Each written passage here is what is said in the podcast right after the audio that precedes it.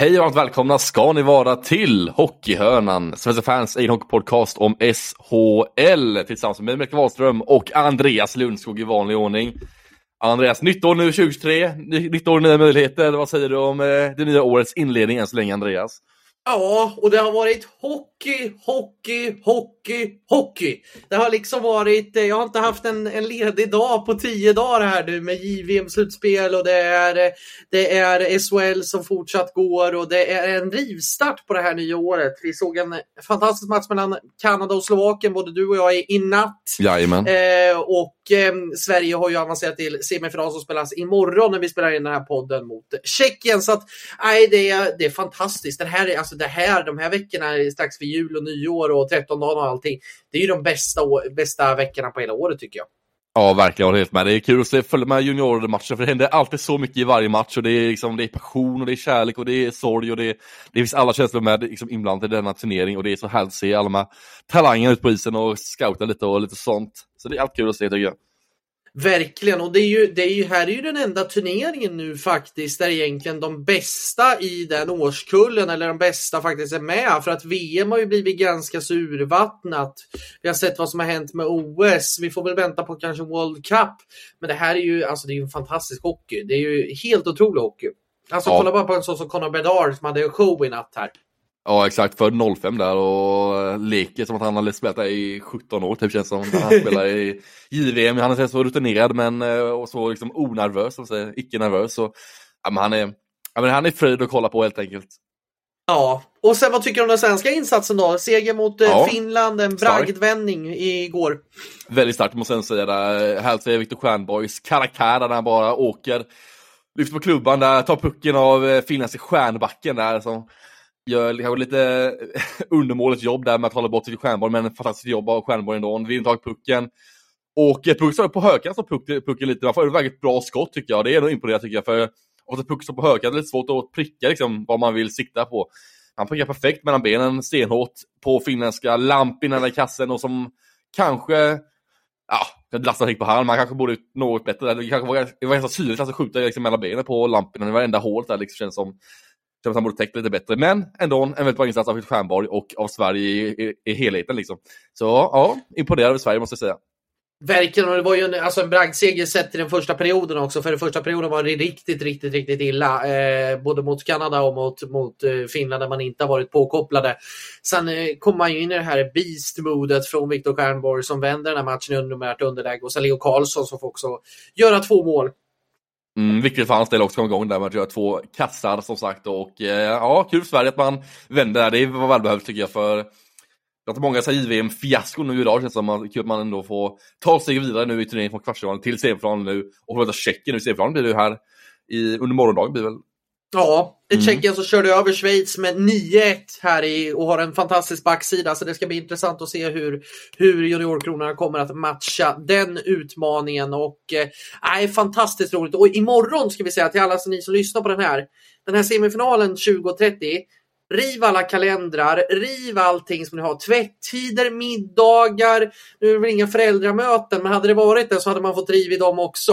Eh, det här matchen, och för er som jobbar, den här matchen är karensdagskompatibel. Det är liksom, det, du ska ta ut en karensdag för du ska se den här matchen. Den här är ett måste. Är man svensk hockeysupporter då ska man banne med se matchen imorgon.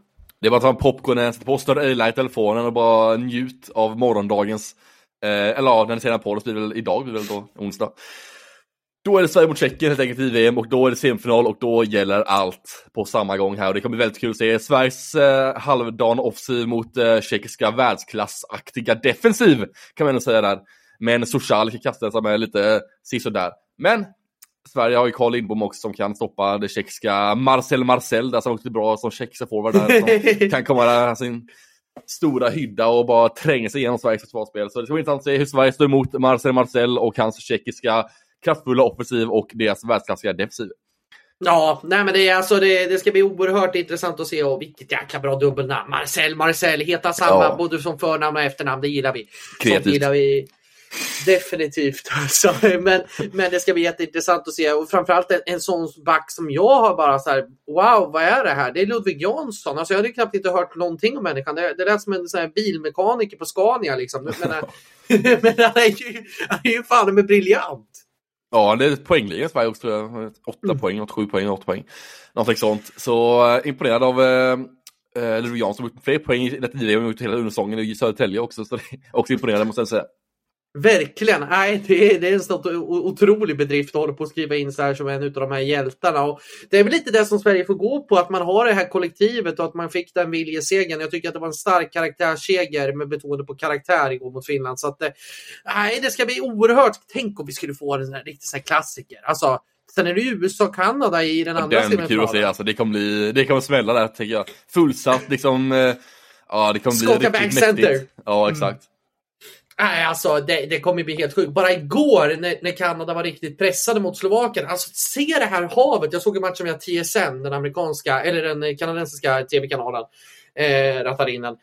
Och se hur, hur publiken bara stod upp. Det var liksom, och alla ja. var Kanada! Alltså, det, var ju, det, det, var ju som ett jäkla häxkittel där inne. Då kan du tänka dig hur det kommer att bli mot USA. Exakt, i semifinalen där kommer bli tight tror jag. Men jag tror Kanada tar längst drag den matchen tycker jag. Eh, det blir top prospects match där mellan eh, Logan Cooley och eh, Connor Bedard. Ser jag som det längsta drag i den fighten. Med de två supertalangerna. Verkligen! Nej, det ska bli oerhört intressant att se. Så att eh, det är bara att bänka er. Hockeyn rullar på, men eh, vi ska lämna JVM och rulla på det vi mest bevakar med den här podden, mm. SHL nämligen. Jajamän, det tycker jag också. Och innan vi går in på liksom, det vanliga körschemat med alla matcher och sånt, tycker vi gör lite omvänt den här, den här veckan. För det har varit ett 2022, eh, ett bra hockeyår. Många synpunkter, det har varit glädje, det har varit sorg, det har varit kärlek, det har varit liksom uttåg, intåg i SM-guld, det har varit allt möjligt hänt under hockeyåret 2022. Och där tänker jag att vi nu summerar eh, hockeyåret 2022 här, eh, för att ta ett avstamp nu och blicka in mot nya året som kommer här då. Mm, Andreas, tycker du om det? Absolut. Nu kör vi veckans segment direkt då med att summera hockeyåret 2022. Vad har hänt under 2022? Eh, starka minnen och lite olika händelser och lite sånt. Eh, vi kan ju börja med att eh, inledningsvis i Hockey 2022 så var ju Timrås bottenlag i SHL. Oskarshamn var topp 6-lag, bara en sån sak. Eh, de inledde året här 2022. Eh, sedan så var Färjestad ett utmålat krislag i början av säsongen här, eller i början av 2022. I januari där. Eh, och ja, mycket annat har hänt under året. Har du några starka minnen under 2022, hockeyåret 2022? Det finns mycket godbitar man vill ta från hockeyåret 2022. Jag minns ju eh, den här otroliga SM-finalen mellan mm. alltså Färjestad och Luleå. Jag kommer minnas, minnas den enormt länge. Det var en eh, SM-final jag följde på väldigt länge, alltså på väldigt nära håll också, när jag jobbade med nästan till alla, alla matcher. Eh, och få se den här rivaliteten, att få se den här gnistan, att få se en match som avgör i, i en match sju. Alltså det, det, var ju helt sjukt att Färjestad ändå kunde vinna, eller vända den där matchserien och, och vända. Det, det är helt otroligt. Eh, den matchserien kommer gå till historien för den var så underhållande. Den hade alla ingredienser. Den hade rivalitet, den hade omdiskuterade situationer, den hade, hade eh, känslor, den hade liksom eh, utspel, den hade alltså, otroliga matcher med förlängningar, det var flygförseningar, alltså, allt, hela paketet. Allt. Ja, det var liksom det extra... Grymt tryck också under varje match i SM-finalen också. Det var liksom, fans stod liksom en timme innan matchen startade, liksom en och en halv timme innan matchen startade. Och fortfarande ja. bara sjöng och bara drog igång allt. Liksom. Det var mäktigt att se tycker jag.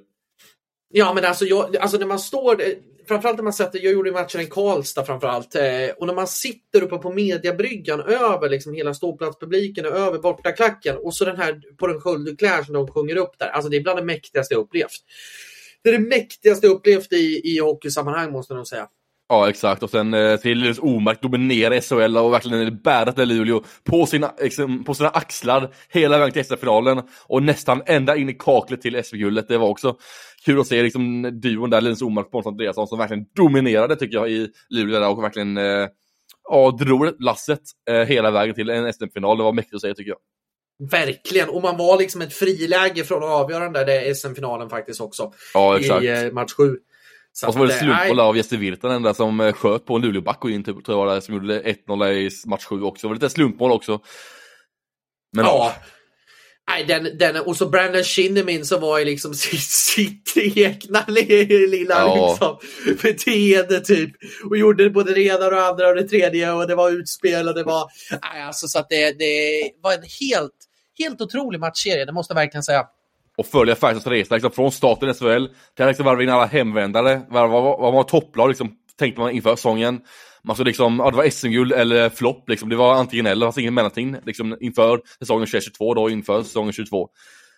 Eh, och eh, Vector 6 och deras resa från att liksom vara jättehyllade och att, att nu blir det SM-guld liksom från start till att sen i januari månad inledningsvis av 2022 eh, så Ja, så eh, var man i lite krisläge, man, man låg liksom, jag tror det var sjunde, åttonde plats fanns där och eh, det var svårt för dem och eh, sen sparkade man eh, sportchefen Peter Jakobsson Eh, man sparkar assisterande tränarna. Eh, man sparkade huvudtränaren slut. Efter många om och sparkade man Johan Pennerborn slut. Eh, man tog in Thomas Wittell, man tog in Pelle Pressberg och Thomas Rolin som assisterande tränare. Man tog in Rickard Wallin som ny sportchef, eller sportdirektör som också kallas för. Och tillsammans gjorde Rickard Wallin och Thomas Mitell underverk och värvar, eller och eh, bar detta Färjestad sen mot en topp 6-placering eh, och sen slut mot en SM-final och till slut mot ett SM-guld. Eh, och eh, det var en väldigt, väldigt härlig resa för Färjestad där, från att Ja, en väldigt lång resa för Färjestad och en väldigt härlig resa att följa på och en ganska unik resa måste jag säga, där man sparkar liksom allt man har och ändå så får man liksom snabbare start av det och tar sig hela vägen till en SM-guld och det var otroligt imponerande tycker jag att se där. Verkligen, alltså det var en, en rollercoaster ride som man hade sagt om man var amerik amerikansk kommentator. Nej men alltså, eh, det, det, var det verkligen. Det var upp och ner och höga svängar och, och eh, huvuden lät rulla och det var det var en otrolig säsong på så sätt och, och, hur Thomas Mittell på så kort tid också fick ihop den här gruppen att kunna liksom dra det längsta strået och att man hela tiden var den här tungan på vågen hela tiden. Det var ju alltså helt otroligt hur, hur, hur han lyckades få ihop det. Och det är ju, då är man en jäkligt bra coach ska man säga när man lyckas någonting, med någonting sånt. Sen måste jag ändå liksom ha liksom förståelse med Luleå. Alltså, gjorde också ett fantastiskt utspel. Jag såg det mot Örebro i kvartsfinalserien som jag jobbade också med väldigt nära. Där de körde över, pulveriserade Örebro som inte hade någon chans egentligen i den eh, kvartsfinalserien. Så att, eh, nej, det, det, var två, egentligen, jag säger som Stefan Liv, vi kunde haft två SM-guldvinnare ja. den. Båda förtjänade faktiskt att vinna. Verkligen, så var det verkligen. Och eh, vi såg också Ryan Lash vann poängligan förra året. Eh, Eh, med sina 66 poäng eh, under 2022 här.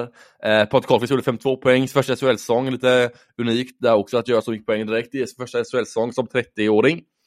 Sedan Max Werner vann skytteligan med 34 mål, eh, vilket nog alla minns tror jag, som han var så dominant där för Leksand och verkligen bar detta Leksand.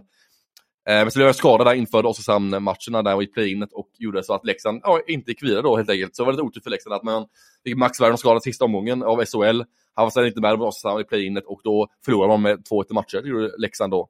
Och Oskarshamns eh, fortsatte skrälla då gjorde man, man eh, vann mot Leksand i play-inet, gick vidare till kvartsfinal mot Rögle var det sen i kvartsfinalen. Eh, och där mot Rögle så var det en tajt matchserie, man eh, Många trodde att Växjö, eller Rögle vinna med 4-0 i matcher, eller 4-1 i matcher. Eh, och eh, det blev inte så. Det blev 4-3 i matcher slut efter en väldigt tight match 7 där och eh, Oskar verkligen skrällde sig hela vägen till en match 7 mot Rögle, vilket var väldigt imponerande.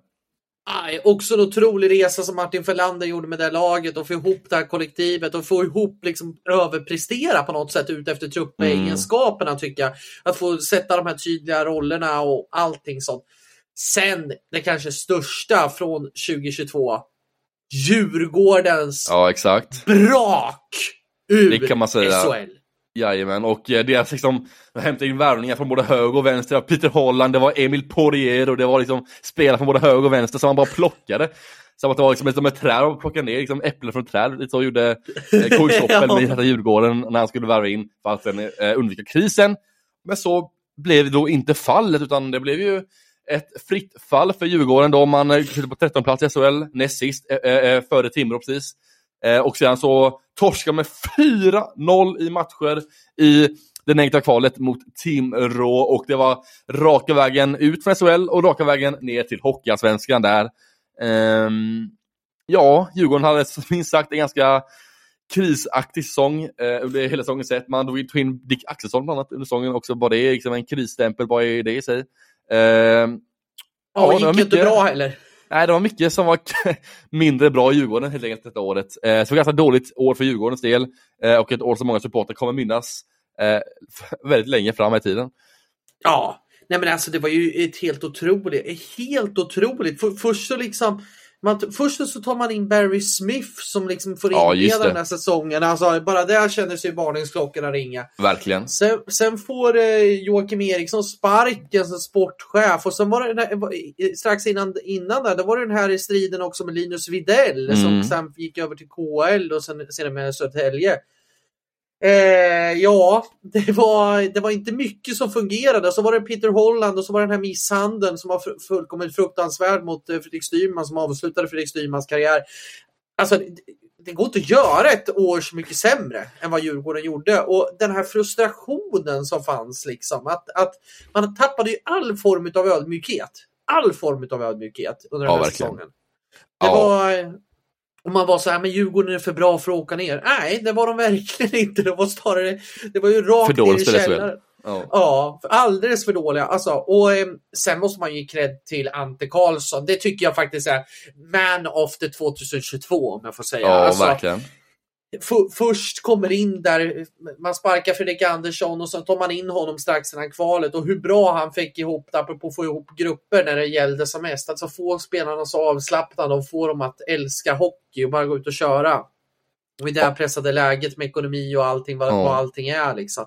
Och få spelarna att tro på sig själva och sen etablera Timrå på kort tid till topplag. Äh, Ante Karlsson, det är man of the 2022 enligt Ja, verkligen. Han är en av kandidaterna till att bli där eh, med after 2022 helt enkelt. Med tanke på hans prestationer också. Man tog ju bort Fredrik Andersson inför kval precis, men gjorde en Brynäs under Timrå. Där inför Ja. kvalet han sparkade huvudtränaren Fredrik Andersson och att Karlsson fick styra skeppet här eh, i kvalet mot Djurgården. Ett lyckat sådant eh, knep av eh, Timrå och, och av Kent Norberg då som den axkritiserade sportchefen i HV71 nu eh, gjorde nog ett genidrag där han sparkade Fredrik Andersson och eh, lyfte fram Ante Karlsson som huvudtränare. Och, och det blev ett genidrag eh, från Kent Nubbe Norberg och eh, också en faktor att man stannade kvar i SHL också. Så det var viktiga och en avgörande faktor att man stannade kvar och vann mot Djurgården då i 400 matcher tycker jag. Verkligen, och det, det är också rätten av att träffa rätt på de här rekryteringarna när det behövs som mest. Att få in bra människor, att få in liksom det man behöver. Det är en uppvisning på något sätt. Ja, det var också en annan som fick genombrott i kvalet. Det var Jakob Johansson i mål till Timrå som fick verkligen sitt genombrott i kvalet här mot Djurgården. Fantastiskt bra i alla fyra matcher och verkligen var en tunga på vågen här för Timrå. Och eh, ja, en stor faktor även han till att de stannade kvar i SHL och vann mot Djurgården med 4-0 i matcher. Och det var även det som var startskottet för Jakob Johanssons nu framgångsrika SHL-karriär som han sitter just nu.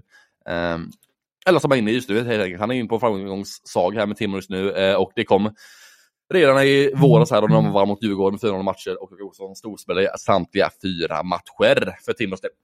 Verkligen. Nej, fantastiskt kul faktiskt. Jag tycker Timrå verkligen har färgat och kommit upp och ja, men, tagit det här ytterligare klivet. Mycket på grund av de här hemvändarna såklart, men det handlar ju om också om Ante Karlssons ledarskap och hur man har byggt upp det här med Kimmo Kappanen som har tagit vidare eh, Nubbe Norbergs arbete. Och, nej, det känns som att Timrå är en förening som mår ganska bra just nu faktiskt. Mår väldigt bra. Jag tror det är få år som Timrå mår så här bra som han mår i 2022. Eh, jag tror att det är liksom ett år som verkligen väldigt upp och ner för Timrå. Man följde som sagt näst, eller sist i tabellen i 2021-2022 där eh, i sitt våras då. Sen blev det kval. Men sen har man verkligen jobbat sig uppåt utöver kvalet där sen. Man har ridit på den här vågen man har haft sen man vann kvalet mot Timrå, eller mot eh, Djurgården. Så det var väldigt, väldigt framgångsrikt för Timrå just nu att man ja, tagit del av det man gjorde bra i kvalet och tagit vidare det och utvecklat ännu mer i sitt spel. Och eh, jag har sett en ännu bättre spelare och massa hemvändare i Anton Lander, Jonathan Allén har kommit hem då och eh, många där till, Emil Pettersson. Eh, så väldigt kul att se, tycker jag att Timrå verkligen bygger upp någonting nu med alla hemvändare och med de som har Timråit-hjärta och ja, kul att se tycker jag att Timrå börjar liksom jobba sig uppåt och eh, är på en resa just nu mot att bli ett eh, etablerat topplag i SHL. Verkligen. Och sen tycker jag faktiskt att det var roligt att HV71 kunde gå upp ändå. Jag tycker att det är ett lag som ska vara i SHL. Alltså Mm. om man ser till intresse, om man ser till kultur, om man ser till ekonomi så tycker jag det. Även om de inte har fått allting att stämma den här säsongen, vilket vi kommer in lite senare på. Mm. Men jag tycker att det är ett lag som ver- verkligen ska vara i, ho- i uh, Hockeyallsvenskan. Nej, det ska bli Hockey. lite giftigt. va? De ska vara i SHL. Ja, Det är definitivt. det håller jag med om faktiskt. Jag är inget eh, fan som säger så att ja, det här laget hör hemma här, det här laget hör hemma där. Det är inte ett fan av egentligen. Men HV71 tycker jag verkligen hör hemma i SHL.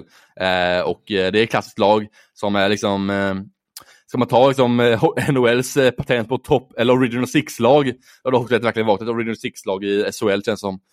Eh, så verkligen. det är verkligen hatten av för att Hockeyet lyckas med det också. Det är inte lätt att lyckas med att ta sig en Hockeyallsvenskan till SHL. Liksom, det är en lång resa som man var inne på under 2022 här eh, och till slut så fick ju Fredrik Forsberg trycka in det här målet mot Björklöven som till att man gick upp till SHL.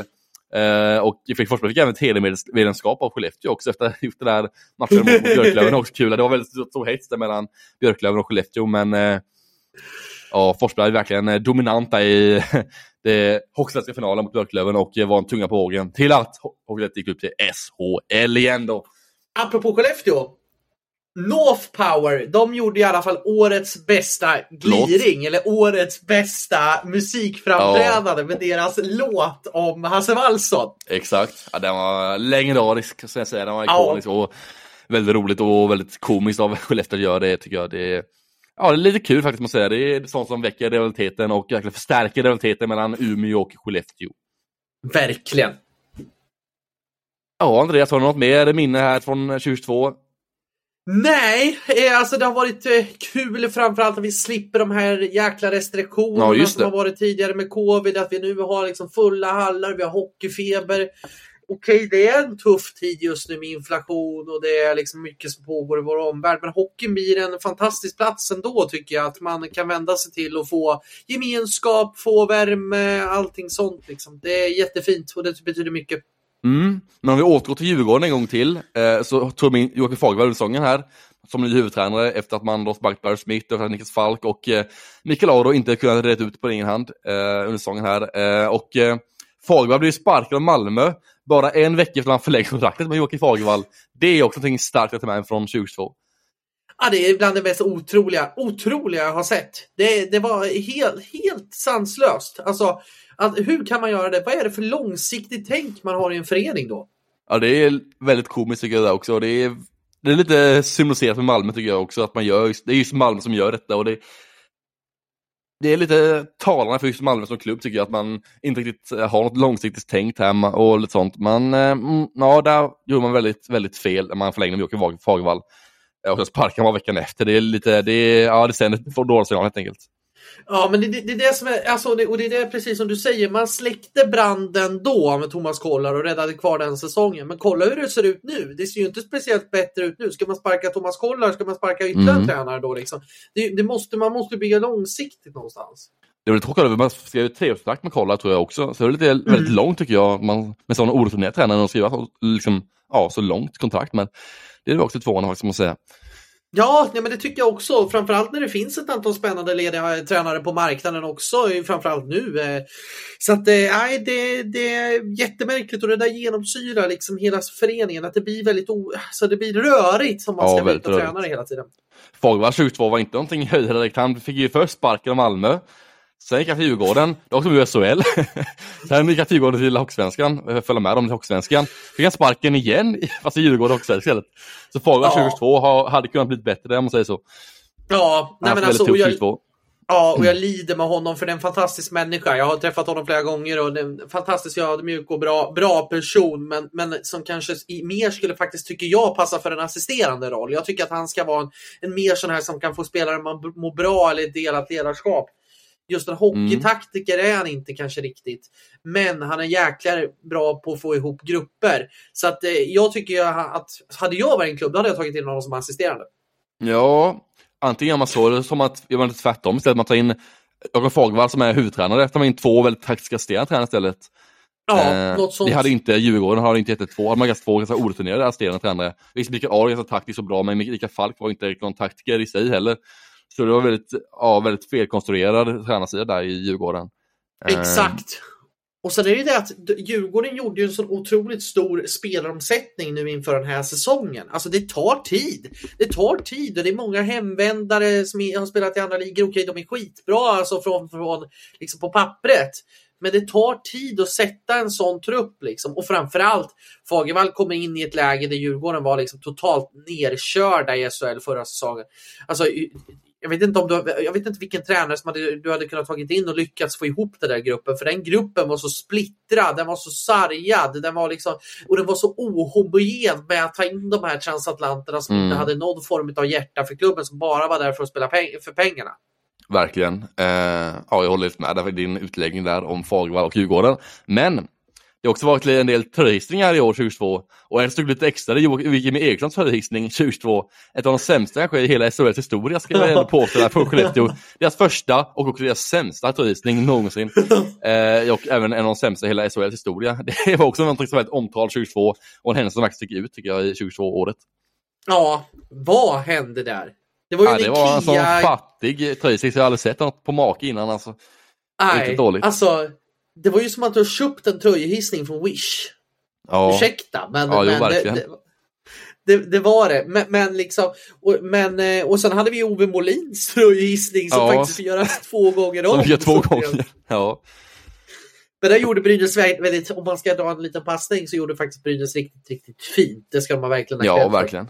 Luleå också med Janne Sandström här också, avslutade året med 22 med också med en tröjstring där och fick en öl, öl i jackfickan också. Och en väldigt eh, bra tryck var det i Delfinen där och eh, tröjhissning där med vepan som gick upp väldigt fint och bra musik och det, ja, det är väldigt eh, gedigen tröjstring där för Janne Sandström och eh, det känns att det var väldigt många tröjstringar just i år 2022.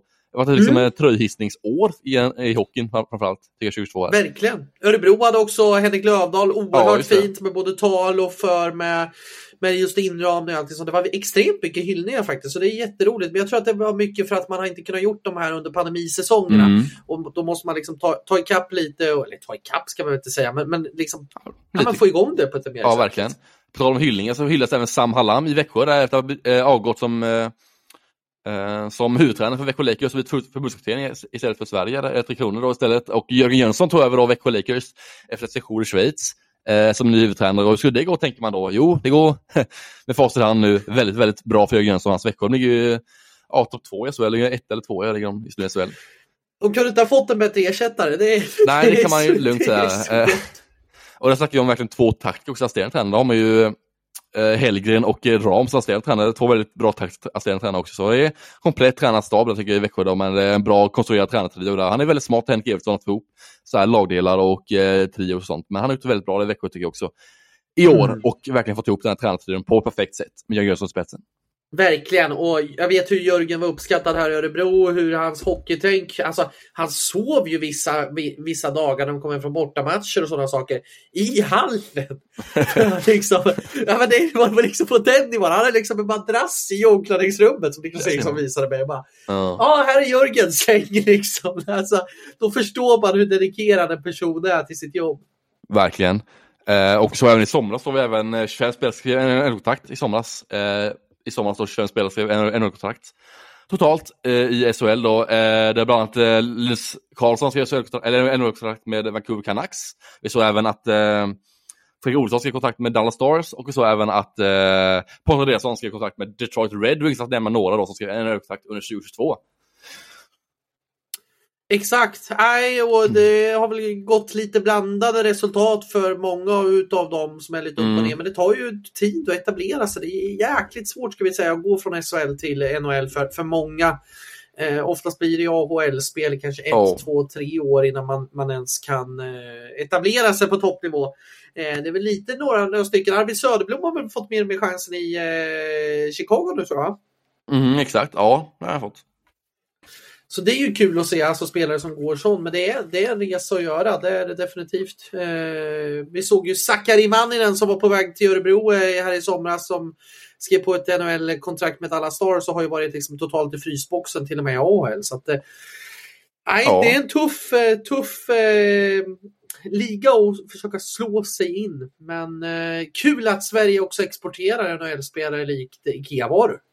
Jajamän, och vi kollar på slutet av år 2022 så ser vi även att Skellefteå hade en galen segersvit här i slutet av 2022 här i närtid. Det känner nog alla till här. Ett sex raka torsk så tog man en lång, lång segersvit där med ja, 16-17 raka vinster helt enkelt. Och Linus Söderström, eh, han slog rekord i, i år också, gjorde han. Eh, han slog Alexander Salaks rekord med att hålla nollan eh, i längst tid. Eh, också imponerad av Linus Söderström eh, som avslutade året på perfekt sätt. Är det inte otroligt hur Skellefteå inte leder SHL ändå? Det är otroligt.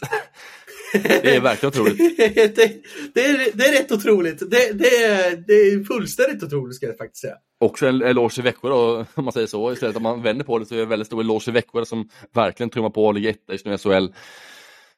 Ja, med tre poäng före Skellefteå. Det är jämnt upp toppen här och Skellefteå med fantastiskt facit här nu. Efter sex raka torsk som sagt tog man väldigt, väldigt många vinster i rad här och eh, imponerar måste jag säga av Växjö och Skellefteå. Och sen undrar man ju, har, har SHL som liga varit bättre på, det, alltså det måste ju vara den bästa upplagan av SHL på många, många, många år. Verkligen, och det... nästan rekord i antal krislag också under 2022 här. det känns som att det varit nu, det känns som att det varit 7-8 krislag bara i år, liksom nu de senaste ja, månaden, månaderna, rättare sagt. Ja, det har bara rass, rasslat på kan jag säga. Jajamän, och nu har vår summering rasslat på till slutet. Eh, och eh, det var våran korta summering då om eh, Hockeyår 2022 i SHL då bland annat. Uh, Andreas, har du något med att tillägga om Hockeyår 2022? Har du någonting med att lyfta fram här under Hockeyår 2022?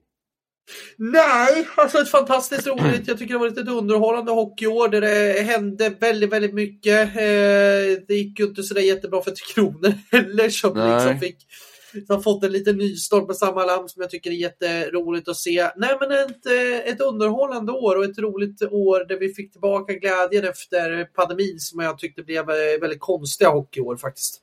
Verkligen, kul att ni är tillbaka nu på riktig hockey igen med, utan restriktioner och utan pandemi och kunna lämna det bakom oss och sagt att det är ett minne blott här och nu. Verkligen. Och här och nu ska vi gå igenom Frölundas eh, föregående vecka då som sagt. Man tog ju en vinst, en förlust förra veckan. Det var två, två tre matcher. Um, man vann ju mot Malmö då med 2-3 efter sent avgörande av Pontus Karlsson. Eh, sedan så torskade man då hemma mot Rögle efter straffar då ett Stål Lyrenäs satte den avgörande straffen för Rögle. Ja, Frölunda ligger just nu trea i tabellen också och man trummar på i Frölunda, eh, verkligen. Ja, verkligen. Har rest sig från en ganska tuff och tung säsongsinledning där jag vet att det var framförallt väldigt, väldigt mycket negativt från Frölunda-håll, eh, från supporterhåll. Att man var liksom, hur ska den här säsongen bli? Det har ju blivit ganska så bra egentligen och eh, mm. jag tycker man har steppat upp på flera håll och kanter, framförallt eh, målvaktsspelet och det defensiva arbetet där man verkligen har chans att vinna varje match nu faktiskt. Jag tycker att eh, man är blivit svårslagen på något sätt. Mm, man har haft väldigt mycket tålamod för den tycker jag, det är väldigt bra. Det är något liksom som har varit en framgångssaga för många lag tidigare och även Frölunda just nu också. Man har haft mycket tålamod med att jag menar, Johansson presterar inte mycket i början, men sen kom han in i grejerna och då blev han jätte, jättebra och nu har haft tålamod och nu startar man han liksom varje match och har haft tålamod med han och nu liksom storspelar han varje match nästan, eller många matcher. Tycker jag där i Frölunda. Eh, och eh, ja, man har också utvecklat spelare som i sin backsida också tycker jag där Filip Nordsäter, eller Nordsäter eh, tog stora kliv. Jag tycker att Johansson, där backsidan Pontus Johansson, ute väldigt bra. Filip Johansson också. Eh, så man kan utveckla backar tycker jag i Frölunda på ett bra sätt där. Eh, och gjort väldigt bra i Frölunda tycker jag under hela säsongen, eller under säsongsavslutningen. Nej men jag håller med och framförallt, eh, där måste jag ge en eloge till Roger Rönnberg. Framförallt att Roger har varit skönare än någonsin tycker jag på presskonferenser och i media ja, och sådana saker. Det är harmoni det... där känns det verkligen, med hans ja, och sånt utfallssteg och allt vad han gör i korridorerna. Ja, alltså det känns som att han, han, han, eh, han är på, på, jag ska inte säga på nytt född, men på något sätt har fått en helt, alltså fantastisk energi och mm, det känns, känns som att man ändå har hittat någonting och att han har trott på sina idéer, att han har trott på sina stadgar, att han har bibehållit, även om trycket utifrån har varit ganska så högt, så har man ändå behållit liksom grundprinciperna och utvecklat och, och slipat på detaljer men ändå behållit grundplanen. Det tycker jag är imponerande, att man inte påverkas av det som händer utifrån när det skriks och gapas och allting sånt. Utan att man hittar en egen harmoni och, och bygger det sen från, eh, från vinster och tar det vidare och blir bara ett bättre och bättre hockeylag. Man växer in i säsongen och det, det har Frölunda gjort skitbra rent ut sagt. Verkligen, man har ändrat lite spelstil med innan och eh, gjort en liten ny taktik. Har haft och annan spelstil tycker jag. man har gjort, eh, ja, men det är varit stor framgång för Frölunda att man bytt taktik och bytt spelsätt lite. Eh, och sen har ju Andreas Borgman kommit in ut väldigt, väldigt bra tycker jag och eh, fortsatt leverera på en väldigt hög nivå i Frölunda. Alltså han är ju ja, riktigt, riktigt bra. Andreas Borgman är väldigt komplex som back och väldigt viktig för Frölunda. Han äter mycket istid också sånt. Och man har fått igång en Forza tycker jag också mycket. Man liksom börjar få igång alla, alla enheter tycker jag. Man tycker att många man har lite sämre spelare om man säger så. Lite, man är mer lite hårt arbetsspelare, mycket mål tycker jag. Liksom Lars, Roseli Olsson har kommit igång tycker jag. Max Friberg är väldigt bra. Patrik Karlsson som också är lite kulturbärare också kommit igång. Så det, är många så här, det finns så många målskyttar i Frölunda tycker jag. Uh, ja men verkligen. Och det har också varit en nyckel till att framgång också, att man har haft många, en ganska bred liksom, spets kan man säga, men liksom ändå bred eh, målgörarsida om man säger så. En bred bredd! En bred, ja, en bred bredd kan man säga, det är ett bra ord för att beskriva Frölunda just nu tycker jag. Ja, nej men alltså jag tycker, jag tycker att man har fått ihop det på, på ett väldigt, väldigt bra sätt där. Att det, att det är liksom de här alltså Frölunda hjärtaspelarna som, som går in och verkligen producerar. Det är enormt, enormt imponerad. Sen har man ju lite att slipa på. Alltså man tittar powerplay har ju inte fungerat. Man ligger på 15 procent där till exempel. Eh, där har man ju inte alls eh, fått till det. Ryan Lash har haft en ganska så tuff säsongstart. Det kan man minst sagt säga.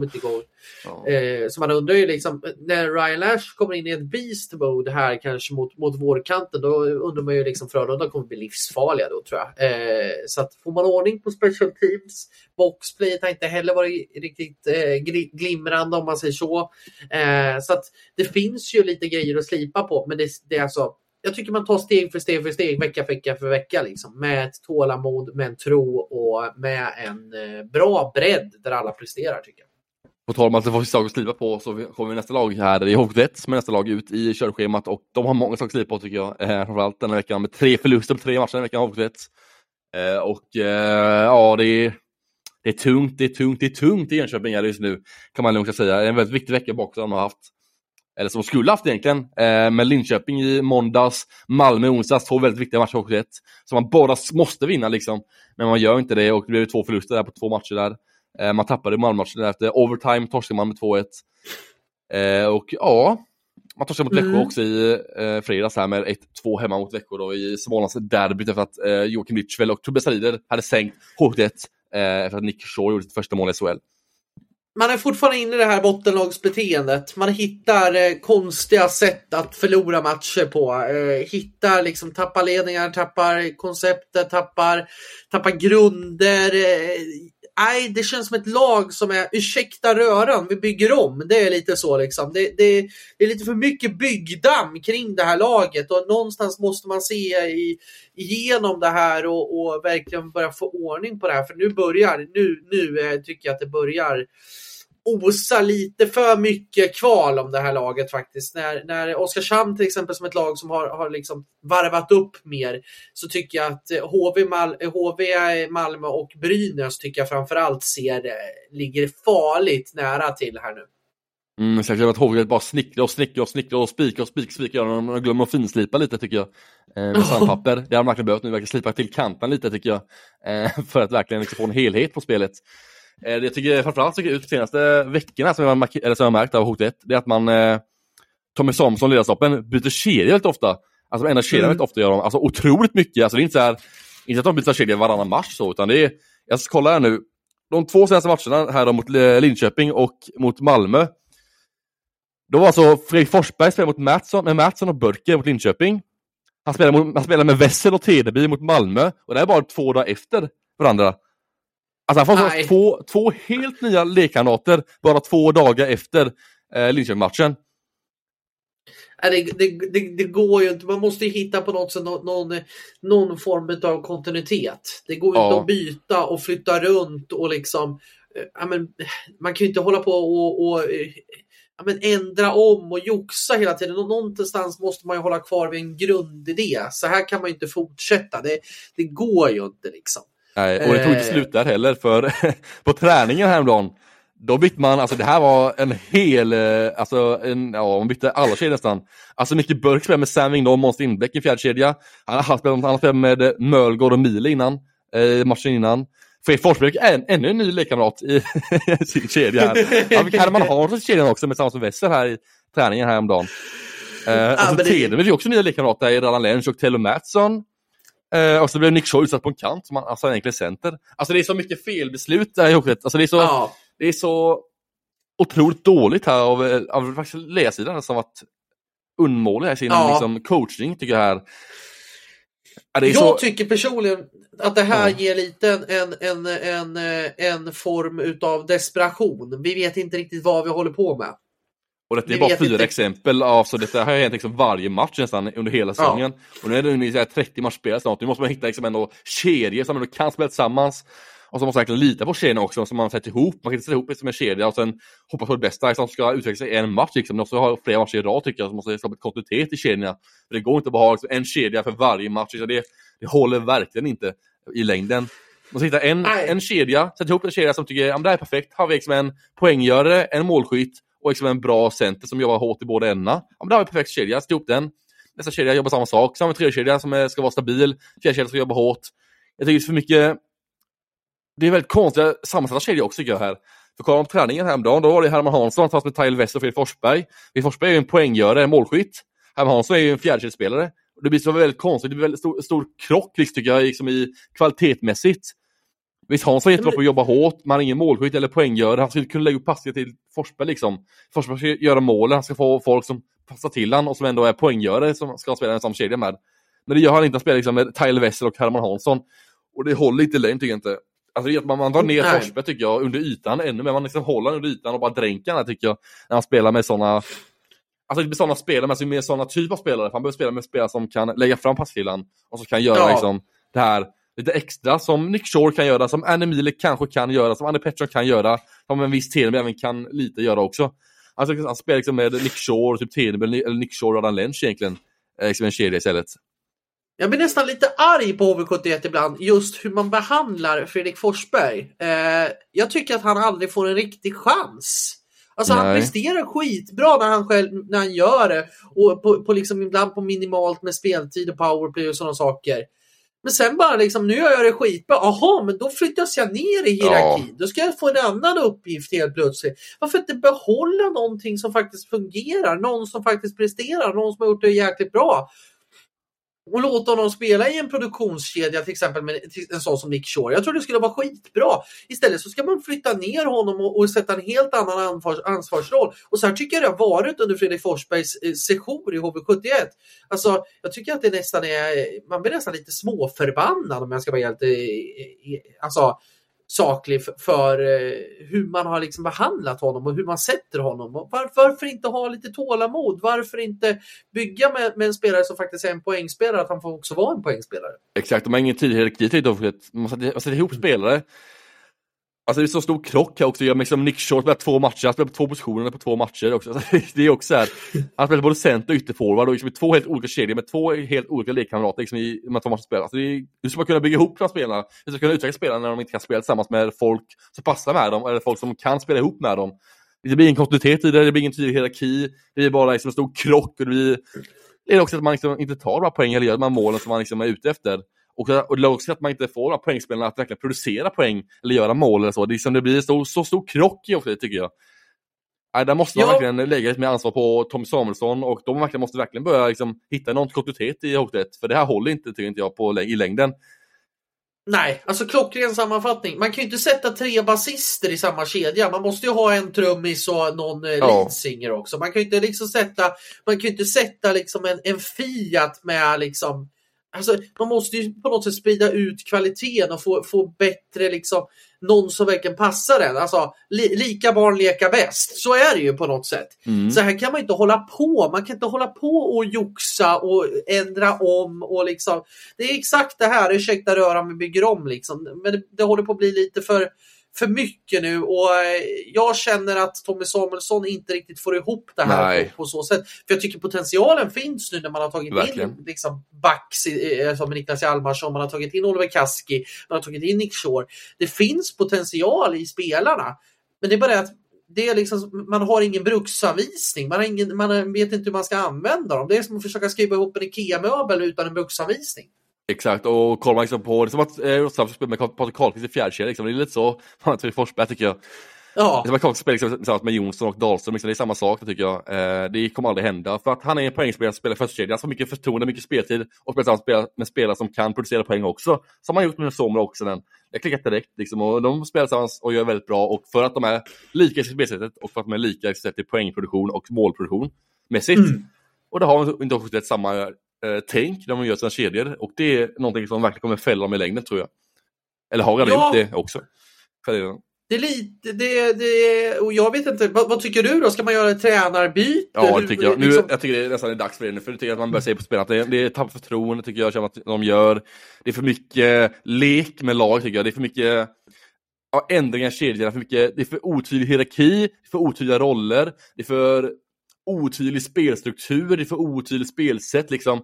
Jag vet många HV-fans som jag har nära kontakt med, de tycker också att eh, Alltså det finns ingen tydlighet i också, inte varken spelsättet eller liksom, liksom själva ja, sammansättningen av gruppen heller. Så där tycker jag verkligen, nu är det verkligen upp till Tom Samsons ansvar att verkligen hitta någon kontinuitet, för annars kommer man ryka alltså. För det här håller inte att sätta ihop nya kedjor varje match eller varje träning. Det, är, alltså, det går inte att göra det. Alltså. Nej, nej. Alltså, never in my life. Det, det, det, på något sätt kommer man till någon form av ända här nu. Det- På något sätt måste man liksom eh, Ja, men liksom tydligt att nu, nu det, på något sätt får, får det vara nog. Eh, man har kommit till, det, det känns lite som det botten is nådd på något sätt. Mm. Eh, och jag tror man skulle må bra. Där, apropå, jag, jag är inte för tränarbyten om man ska få in en ny röst och sådana saker. Men i det här fallet är det Ja, faktiskt nu för måste man det tycker jag. Det, det känns lite för, för mycket football manager coaching där man hela tiden liksom drar och ska ändra strategier och man liksom inte har no, någon form av kontinuitet. Och man, man tror, ver- verkar inte tro på sina egna idéer och då tycker jag att det börjar bli eh, läskigt. Jag tycker det man blir lite, så här, lite för nervös. Jag måste, oh, nu måste jag ändra igen, nu måste jag ändra igen, nu måste jag ändra igen. Alltså, det är ingen, tycker tålamod inte. Nej. Liksom, det finns inget tålamod som verkligen behöver det. Eh, Nej. Och nu har man redan gjort det på spelarfronten. Man har tagit in eh, liksom spelare, man har tagit ut spelare med, med Davidsson-bröderna bland annat. Ja. Låt det sätta sig då. Låt färgen torka. Du kan ju inte liksom måla på någonting som inte har torkat. Du måste ju liksom, du måste ju låta grejerna torka eller låta grejerna sitta. Sätter du ett superlim på någonting, då måste du ju lå- låta det sitta fast. Du kan ju inte dra bort det och börja om igen. Det blir Nej. ju helt knas. Du måste måla med grundfärg först för att sen kunna bygga på med färg efter det. Liksom. Du kan inte hålla på att ändra liksom, eller bara skita i grundfärgen och sen bara direkt pressa på med någon färg. Äh, nu ska det vara grön färg, äh, nu ska det vara vit färg, nu ska det vara blå färg. Det ser ut som en eh, clown-dräkt efter ett tag. Och lite så känns det. Så här, om jag ska vara Ja, ärlig. Eller hård, exakt. exakt. ganska hård. Exakt. Eh, Men där tycker jag det man- håller inte på SHL-nivå att man håller på så här. Liksom det, Nej. måste verkligen få slut på detta nu. För det är, Mm. ja.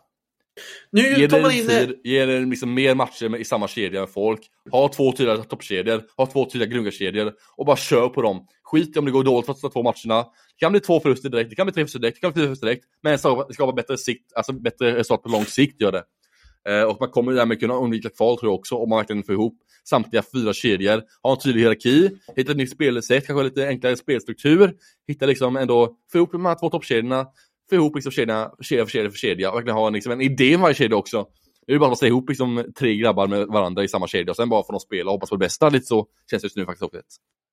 Ja, och vi fick in en liten lyssnarfråga här. Eh, vi har fått in den från eh, Oskar Gustafsson, vår Mm. kollega faktiskt från HV-redaktionen.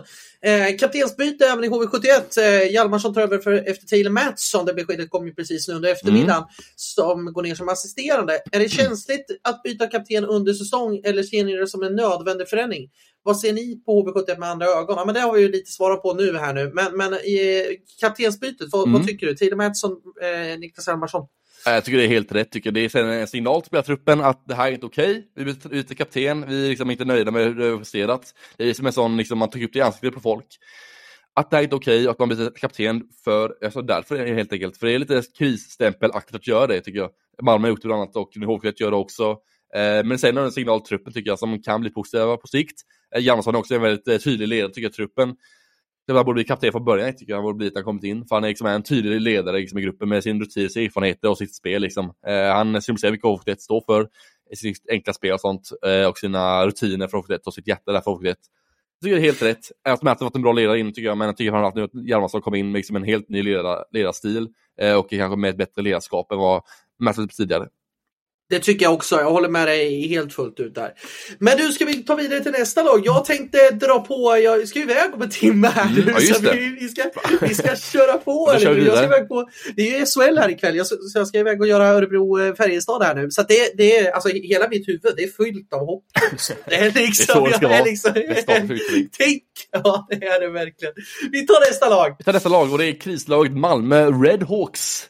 Även de eh, är ett sådant krislag. Ligger sist i SHL just nu på 14 plats. Lite avhängda börjar de bli sakta på säkert här nu. Men de tog en viktig seger i onsdags mot med 2-1 efter overtime som sagt. Sen torskade de mot Malmö i måndags med 2-3. Sen torskade de mot Timrå efter att bli nollade i fredags med 3-0. Ja, Malmö Redhawks. Eh, krislaget, krislaget, om man säger så? Det, det är Rolls Royce of krislag. Det kan vi Ja, nu verkligen i alla fall. kon- konstatera. Det kan ju vända Ja, fort, men jag eh, tror inte det att det kommer göra det eh, i Malmö. Nej, jag ser ingen riktig vändning i, liksom, i, i, eh, i sikte där. Det, det känns som att man har på något sätt kört ner sig rejält i gropen och man kommer inte upp här nu. Liksom. Det, Det man är rejält nere i gyttjan. Mm. Eh, stark vändning senast mot HV71 men det Ja, känns det som att det var lite, lite eh, bara br- bromsning utav, eh, utav eh, ett väldigt tufft läge. Ja. Så att det, för sen, sen är man ju chanslösa mot Timrå. Man är ju direkt chanslösa mot, mot Timrå i 3-0 matchen när det nu Jag senast ser att man även var typ chanslösa åt Frölunda också egentligen. Alltså det blev bara två, tre matcher. Jag tycker att spelmässigt var Frölunda mycket bättre tycker jag. Ja, Alltså slumpmål och, och livesen som gjorde att man fick energi i Malmö där och så fick man ett ganska bra mål efteråt med Max Sylvegård. Men jag tycker ändå att man, liksom, spelmässigt så tycker jag Frölunda är mycket, alltså de är ju många nivåer bättre än Malmö tycker jag framförallt. I den matchen. Och det jag inte riktigt förstår, för jag läste en intervju med eh, sportchefen Björn Ja. Liljander här i veckan. Som jag, alltså, vad, äh, det, det var bland, bland jag bara, vad, vad, vad är det här? Alltså, som, när han går ut och säger att kval, det är ingenting vi tänker på, det är inge, ingenting vi pratar om. Nej, det kanske är dags att inse att man ligger sist i ligan och det är mindre än, än hälften av matcherna kvar. Ja, alltså han, skrev, han skrev så här, jag har inte ens tänkt tanke på kvalen, skrev han, eller sa han i, ja, i intervjun där. Och jag tycker det är så fruktansvärt. Det påminner mycket om Djurgården tycker jag, 2021, 22. Ja, Alltså det är så typiskt, sån mentalitet som man har för att man åker ur. Liksom. Det är typiskt såhär, åker urlagsmentalitet nu på senare tid. Ja, man tror att man är bättre än man egentligen är. Eh, och så blir det att man plattfaller helt enkelt och man tror mer om sig själv än vad man egentligen förtjänar, eller vad man egentligen är. Ja. blir det så att Nej, man men alltså, Mot jumboplatsen. Ja, exakt det du sa också med Djurgården. Att man, att man, för där var man ju till och med ute och snackade om slutspel när det bara Ja. låg liksom. HV också mot ur för, för det också. Ja, ja, just det. Så det kanske är lite så här. Det, det kanske är dags att ta ner eh, Ja. hybrisen och verkligen börja titta på vad... Det, det är så här, den här säsongen. Det som räddas kan, det ska räddas Ja. från, från Malmö. Man ska inte snacka någonting om något annat. Man ska inte snacka om slutspel, man ska inte snacka om någonting.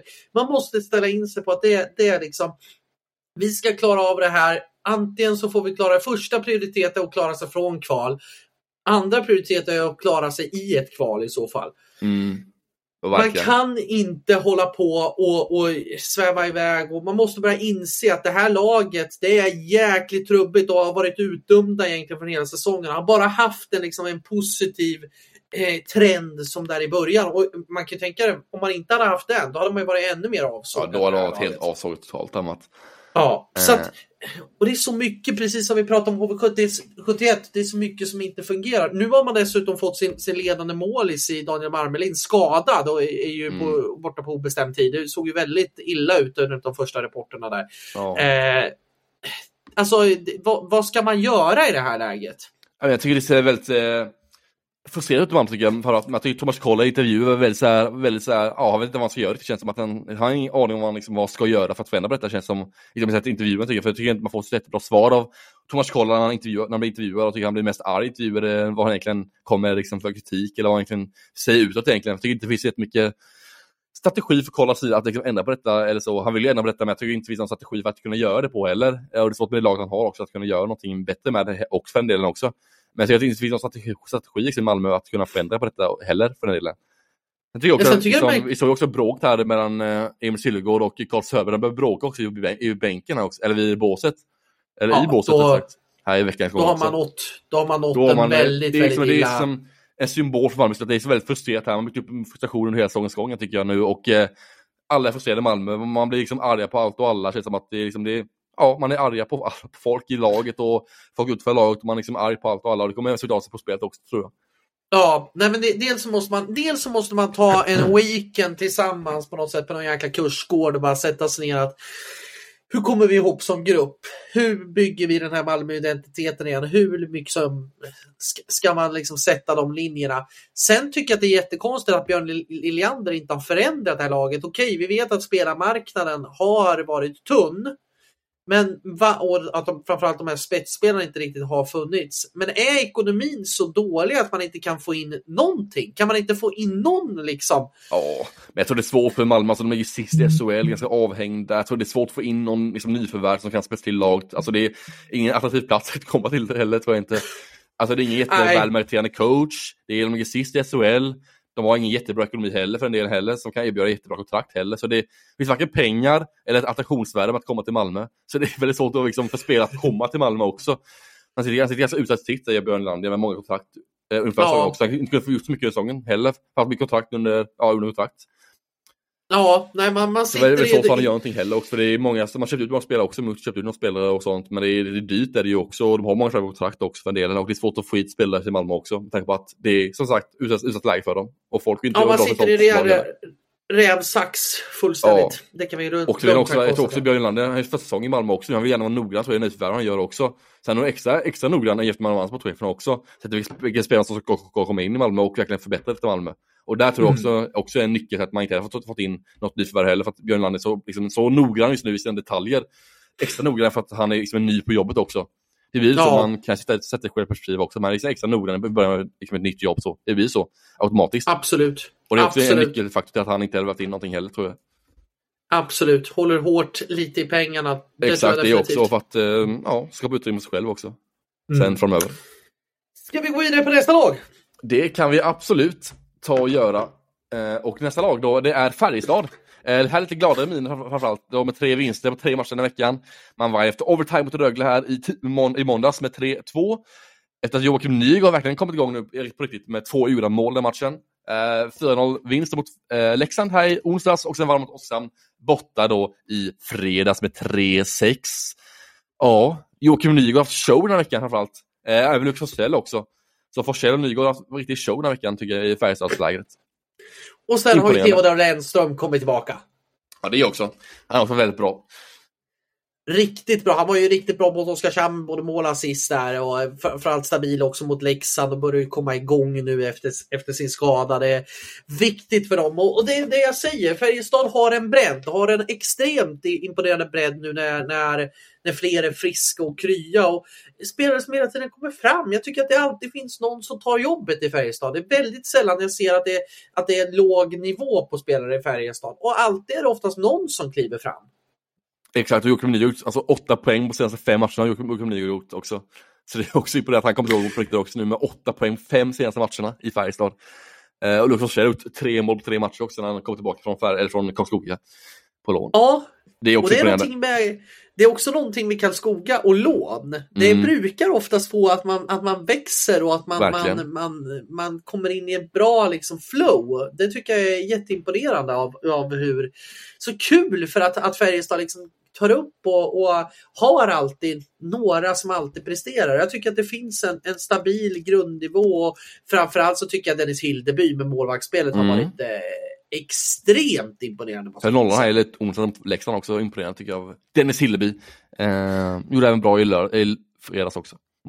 Verkligen. Och de har ju rämt, jämt emot eh, alla andra liksom, lag, eller man såg på till exempel Brynäs där det blev kaos på målvaktssidan, att Färjestad har en ung Eh, relativt ung målvakt och så har man en etablerad målvakt. Jag tror att det är den perfekta kombinationen. Ja, jag håller För du med. får en Helt med. ung, hungrig som vill utvecklas och utmana, men som kan också acceptera att jag kan inte stå alla matcher. Nej, exakt. Och så har man en, en bra etablerad eh, målvakt i Matt Tomkins. Dock kan jag tycka att Hilleby har varit bättre än Tomkins sett i hela säsongen. Mm. Men att man har den kombinationen, att man inte har två etablerade toppmålvakter som ska liksom utmana varandra, för det tror jag blir för tufft. Och det kan bli lite som, som det blev i Brynäs.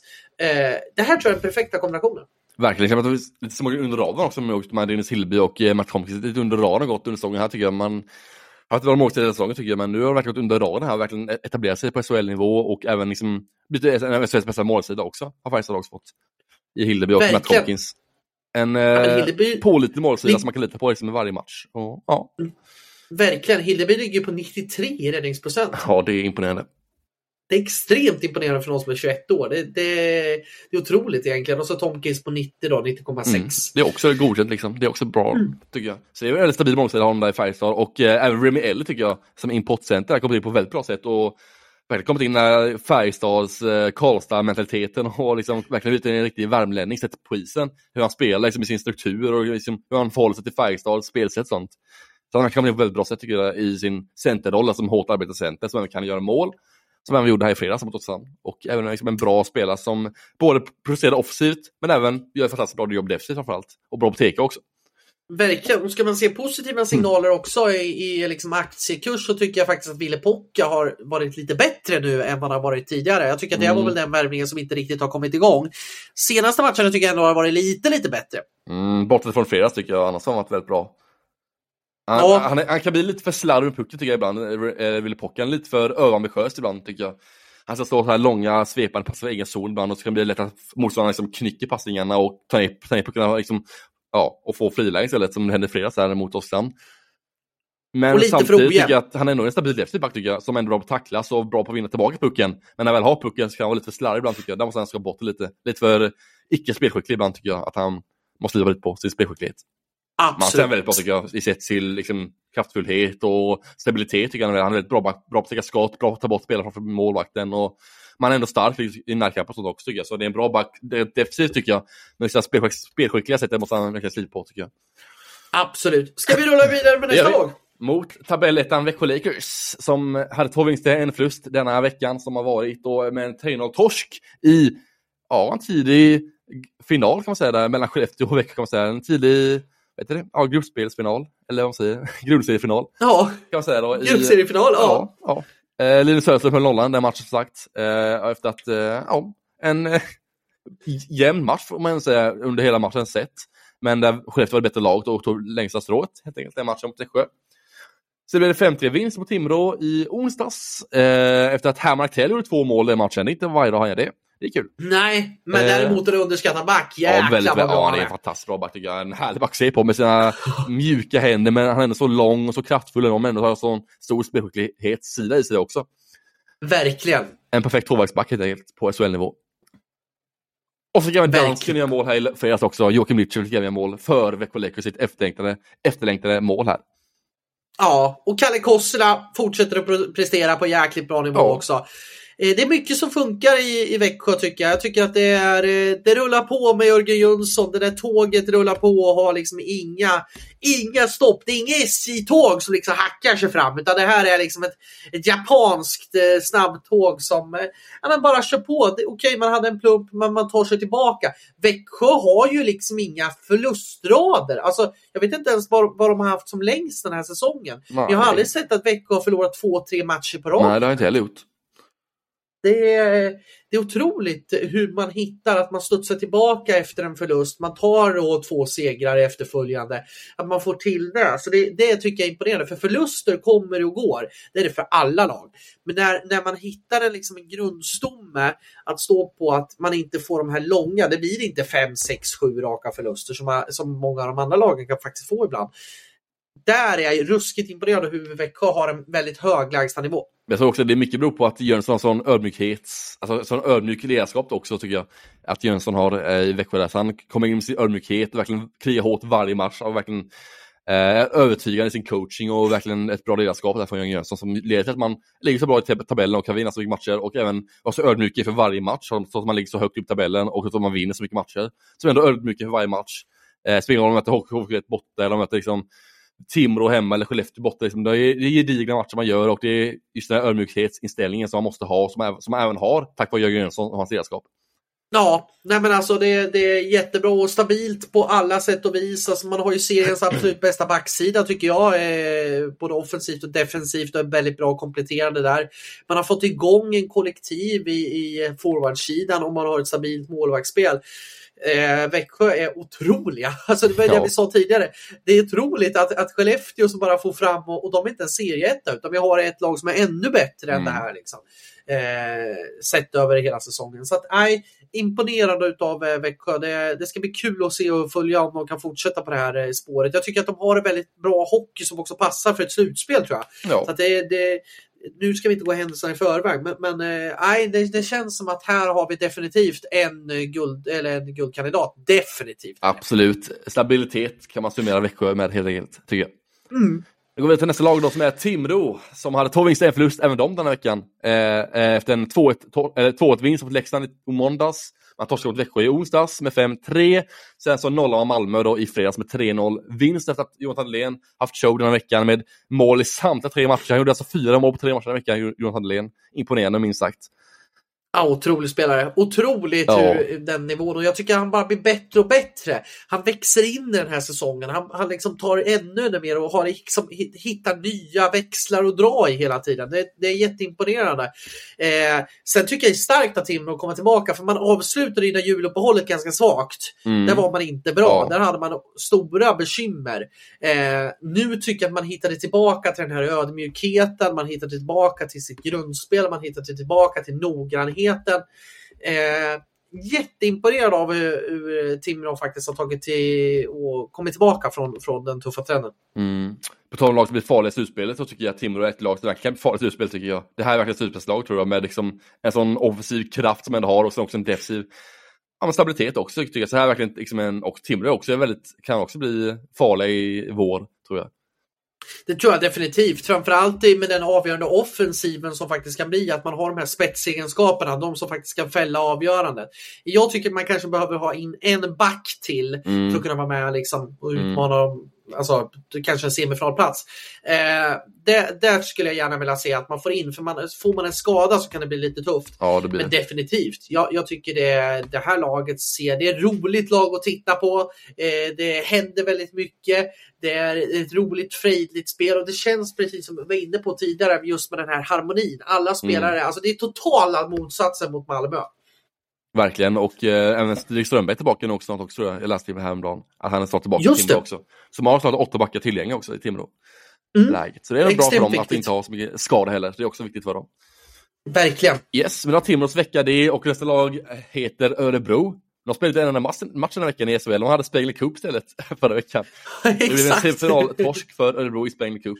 Eh, ja, det var det jag hade att säga om Örebro den här veckan. ja, men Vi du, vi har ju. Ja, vi kommer Vi kommer, ju, vi kommer till de stora Ja, exakt. bomberna sen. Det svarar ska lite vi snacka om lite senare. Exakt. Vi, vi kör vidare med nästa lag. Det, Det blev vi. liksom mellanlandning. Det var så kallad SJ-byte i Örebro där. Vi rullar vidare på vår Sverigeresa. Från schweiziska Spengler Cup till eh, Dalarna och till Leksand så hittar vi, ja Leksand då som sagt, eh, en vinst, två förluster förra veckan. En eh, 1-2 torsk där mot Timrå eh, i måndags. Sen blir det en 4-0 torsk mot Färjestad och en 6-3 vinst mot Linköping här i fredags. Så mm, två raka förluster i början av veckan, sen avslutar man veckan med en 6-3 vinst mot Linköping. Mycket mål. Eh, ja, ändå en helt okej vecka för Leksand tycker jag som lite osäkert som lag tycker jag där. Det är, det är mycket som är fel i Leksand tycker jag. Det är mycket som inte stämmer i Leksand. För de borde verkligen vara bättre än vad de egentligen är tycker jag, sett till lagmässigt. Och ekonomi och sett till liksom, spelartrupp man har så borde man vara bättre än vad man är. Men man hittar inte riktigt rätt vägar, eller rätt verktyg för att kunna vinna matcher helt enkelt just nu, tycker jag. Ja, alltså jag ska inte vara för hård, men om jag säger så här, om jag ska dra en liknelse, då säger jag så här att Leksand har ju, har ju potential med den här truppen att faktiskt vara en oxfilé. Men man spelar som en falukorv, eller man får ut som en falukorv av den här truppen. För att, alltså vad är det här? Det, det, man kan inte, alltså, jag är jättebesviken, nu kanske jag låter jättehård, men jag är jättebesviken på Leksand. Av, alltså med den forwardsuppsättningen, med de målvakterna man har och med de backarna man har. Man måste kunna göra det bättre. Det här är inte bra alltså. Men det är alltså två poäng efter krislag och Rögle. Så var krislag för några veckor sedan så ligger Rögle alltså sjua nu Rögle. Och Leksand ligger bakom med två poäng bakom. Alltså Leksand har stannat kvar i tabellen det som. Känns alla, så här, Rögle har gått upp högt upp, Linköping har gått upp högt upp, och Sam har gått högt upp. Men liksom, Leksand bara ligger kvar där i mitten och bara, de bara liksom går varken upp eller ner, de bara ligger kvar och bara stannar där det känns som. De sitter Ja. fast liksom en hiss, typ att de inte kan åka upp eller ner. De sitter fast där i mitten. Det känns att det inte är, en- jag vet inte vad som händer liksom. Exakt. Nej men alltså, det, det, det är precis som du säger, man sitter kvar i en hiss, man, man kommer ingenstans, man kommer varken uppåt eller neråt. Och det är väl alltså, att man inte går neråt, det är väl i alla fall en, en bra Ja. grundstomme. Men det är ju inte Man upp, Leksand... alltså. Ja, det, det är ju inte det Leksand, det här var ju året där Leksand skulle vara med och utmana. Det här är året där Leksand har en spelartrupp som kanske är en av de absolut bästa i SHL om man ser Och till dyraste. kompletta. Ja, Den dyraste spelartruppen. är de det? En av de dyraste, definitivt. Och så, och så spelar man på det här sättet. Det går ju inte. Alltså jag förstår att fans och, och sånt är, är besvikna. För att alltså jag ser inte jag ser inga tydliga linjer. Det är slarvigt. Det är eh, en ojämn nivå. Det är spelare som inte kommer upp i nivå och man har en alldeles för dålig lägsta nivå. Liksom. Ja, jag tror också Leksand är också ett av de lag som är alla räddas för att komma till 7-10 också, alltså ta en playingplats. Jag tror de alla räddas för att göra det också. Tänk på just förra året och hur det gick då förra året och även med tanke på vilka press de har på sig i år också Leksand. Det är just den här platsen mellan 7-10, om de håller kvar den här platsen mellan playingplatser, det kommer bli väldigt, väldigt farligt för Leksand, tror jag. För det kommer, väldigt, det kommer väldigt stor press på dem sen i playinet. Alltså mest av alla lag tror jag. Definitivt. Alltså man åkte Och- ut redan förra året i, i play-inet och Ja, exakt. Man sa att man skulle ta steg från det och sådär. Men jag ser inga steg. Jag ser bara ett lag som bara står och trampar vatten. Ja. Eh, alltså nu har väl Carter Camper och Justin Clues kommit igång igen. och Det är väl 17 och och 20 poäng på dem, vilket är väl Mm. ja, men på något sätt någon form av godkänd nivå. Men liksom John Quenville har ju inte alls färgat. Rivik har väl kommit in och gjort det helt, helt okej. Han var skadad men- mycket också, han är skadad nu igen tror jag. Rivik. Ja, exakt. Och Lukas Elvenäs har väl liksom blandat och gett lite. Alltså det, det, jag, jag förstår inte hur man inte får till det. Jag tycker en sån som Olle Alsing har inte riktigt Nej, han motsvarat på. förväntningen. Ja, exakt, håller med där. Det, det är lite för, eh, för många spelare och jag, jag begriper inte på hur man inte får ihop helheten. För jag tycker att den här spelartruppen har ju allt Ja, egentligen. den har mycket tycker jag, men det är någonting som är inte riktigt stämmer, tror, tror jag, eller någonting sånt. Mm. Eh, ja, jag vet inte vad det är exakt, men det är svårt att säga här och nu. Vad det är som, vad det beror på. Jag, jag känner att spelartruppen är lite för bekväma. Mm. Det, jag, jag tycker att det är lite för mycket bekvämt. Det är lite för mycket vad ska jag säga? Det är lite för att man tummar på, på grejer hela tiden. Man, man lever lite farligt på det här sättet. Att man inte riktigt har den här stabiliteten. Man, man eh, slarvar. Man är lite för nonchalanta helt enkelt. Ja, jag håller helt med där faktiskt, måste jag säga. Eh, men ja, jag har inget mer att tillägga om Leksand jag inte. Det var ungefär det vi hade den veckan om Leksand. Vi rullar vidare från vi. Leksands strand och så tar vi tåget vart? Upp mot Västerbotten till Skellefteå AIK där vi hittar ett lag som är verkligen i harmoni just nu. Två vinster på två matcher i veckan eh, efter att nollat Växjö i måndags tror jag var. Eh, och sen Mm. eh, vann de mot Luleå här i Norrbotten. Där bytt här med 2-3 efter straffar. Där Rickard Hugg satte avgörande straffen. Ja, nej men det, det fortsätter och jag är imponerad trots att en liksom back som Sadim Pellikka är med på JVM nu till exempel. Och så, där, så, så hittar man hela tiden sätt att vinna. Man, man hittar hela tiden sätt att producera. Man hittar sätt att, att komma upp i offensiven framför allt. Och sen Linus Söderström, vilken, vilken keeper, vilken jäkla otrolig målvakt. Eh, nu blir väl Lindvall borta säsongen ut? va? Jajamän, det var ju dystra Mm, besked för Skellefteå här under veckans gång. Och Linus Söderström missar träningen idag också, Johan Linus Söderström. Oj! Så Och det här kan har- bli har man Helle- ett farosmoment. Ja, visst var man. Hellemo utlånad också han- till han är eh, tillbaka nu. Västerås? Han är tillbaka nu. Ja, han är det. Han var på bänken före matchen mot Luleå tror jag. Han var på bänken. Ja. Så han, var- ja, men han är tillbaka nu eh, efter skadorna på Lindvall. Ja, för där blir man ju lite sårbara då. Eh, Mm, på, man. Men man har ju seriens absolut bästa. Ja. För, ja, men han är ju första målvakt. Alltså, man har ju seriens absolut bästa målis tycker jag Verkligen. Det, han är otrolig, otrolig nivå alltså. Alltså de här statsen man har just nu. Alltså, det här ju rekord också nu föregående veckan mot, eh, ja, mot Luleå var det. Eh, Så var det någon Mm. längst i hela SHLs historia. Gick precis för- förbi Salak där. Ja, Eh. nej. Och så har man ju fått in Adam eh, Mescarin här nu va? Mm, just det. Mm, Tycker du om hans debut då? Eller inte debut, men hans återkomst. Ja, alltså det, det är ju lite tufft att gå in liksom från, från eh, när man kommer in så. Han har varit skadad, har haft en Ja, allvarlig verkligen. knäskada tror jag. Så att jag tror inte Ja, man ska förvänta sig. Ja, Axelskada, så var det till och med. Till och med. Ja, det, och då, då är ju, alltså, men han gjorde ju poäng direkt. Han gjorde ju faktiskt en, Mm. en assist här nu i, i debuten. Men jag tror inte man ska förvänta sig för mycket direkt för att det är, eh, det är tufft att komma in när man har precis eh, varit ute en sånglång skada och skulle egentligen spela faktiskt i italienska ligan eller alpligan för Mm. Asiogo. Men, eh, men valde ju att flytta till Skellefteå istället. Eh, nej men alltså jag tror att det kan bli en bra ingång, framförallt mot slutspelet om man blir ytterligare en kropp. För att den här truppen har ju känts lite tunn stundtals. Mm. där, alltså, Mycket lån har varit väl från hade de här... Hockeyettan och J20 och sånt. Har varit. Ja, man har ju Och fått klippa och klistra lite. Verkligen. Men, eh, och då hade man ju den här långa förlusttrenden där det var väldigt tufft. Man hade ett antal spelare borta. Det var det ju nästan en otrolig frånvarolista. Men jag tycker man hittar eh, tillbaka till nivåerna och nej, det är otroligt. Jag tycker Robert Olsson får ut väldigt mycket av den här truppen också. Det måste jag säga. Ja. Man får kolla på Linus siffror i år, alltså det är helt sjuka siffror i år. Alltså 1,19 i insläppta mål per match på 15 matcher. 95 i räddningsprocent har han alltså. Senast Söder är siffror, det var säsongen 16-17 med åkrätt och då blev det ju guld. Ja. ja. Det är helt otroligt Ja, det är hur, hur siffror, han alltså. har... Ja. På 15 matcher 95 procent. Ja. 95,0 Han har alltså på 15 vunnit- matcher. Ja, och man har vunnit 13 av 15, av 15 matcher som Linus Söderström har stått. Ja, det har man också gjort. Ja, det är otrolig siffra alltså. Det är, det är nästan en osannolik siffra, måste jag säga. Ja, och jag tycker det är så kul för honom för han har haft det lite tufft här. Ja, han har ju haft lite, lite tufft liksom, eh, både privat och sådana saker vet jag. Eh, och lite där han har väl talat ut att han har, har mått lite tufft under de här åren och sådär. Och, eh, och sen så just med skadorna som han också. Han har ju varit väldigt mycket skadad framförallt borta i Nordamerika när han skulle försöka slå in sig där. Men mm. har ju mm. kommit tillbaka här nu till svensk hockey och nej, jag är jätteglad för hans skull framförallt. Jajamän, och eh, då lämnar vi Skellefteå AIK tycker jag och reser ner mot Östergötland och hittar Linköping. Och Linköping har haft en vecka snart, eh, sist och där kan man säga. En vinst, två förluster förra veckan. Eh, man vann mot HV71 i måndags, en viktig vinst för Linköpings del eh, med 3-0. Borta mot HV71. Eh, en match där HV71 inte var bra alls, kan jag tillägga också. Eh, sen vann man, eller torskade mot, eller mot IK i onsdags med 2-4 då. Eh, och sen torskade man mot Leksand även i fredags med 6-3. Så Linköping har haft en eh, ganska tuff vecka någon, alltså man började veckan bra mot, mot H1 så hade man ja, torsk mot IK Oskarshamn då, en viktig vinst för IK och en tung torsk för Linköping får man säga där. Eh, I en match där IK var mycket bättre än Linköping, i en match där Linköping hade inte sett mycket lägen egentligen. De hade mycket, det var mycket skott på mål för Linköpings del. Man sköt på allt i Linköping. Eller jag såg den matchen live då i Linköping och i Saab Arena. Eh, och eh, Linköping bara sköt på allt. Alltså de, det var knappt lägen, de bara sköt, alltså slängde pucken på målet i dem.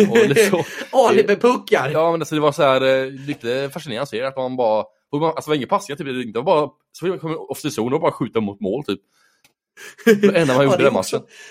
Det är också en taktik. Men, men ska, man, ska man på något sätt... Faran är ju, inte, är ju inte över för Linköping än. Men jag tycker ändå att man har på något sätt de här senaste månaderna, om man ska gå tillbaka en sån längre tid, så, så är jag faktiskt ganska imponerad att Linköping faktiskt ligger Linköping ligger före ett lag som Luleå till mm. exempel. Är nära ett lag som Leksand, är bara två poäng bakom ett sånt lag som Leksand. Hade någon sagt det, då hade jag varit väldigt överraskad.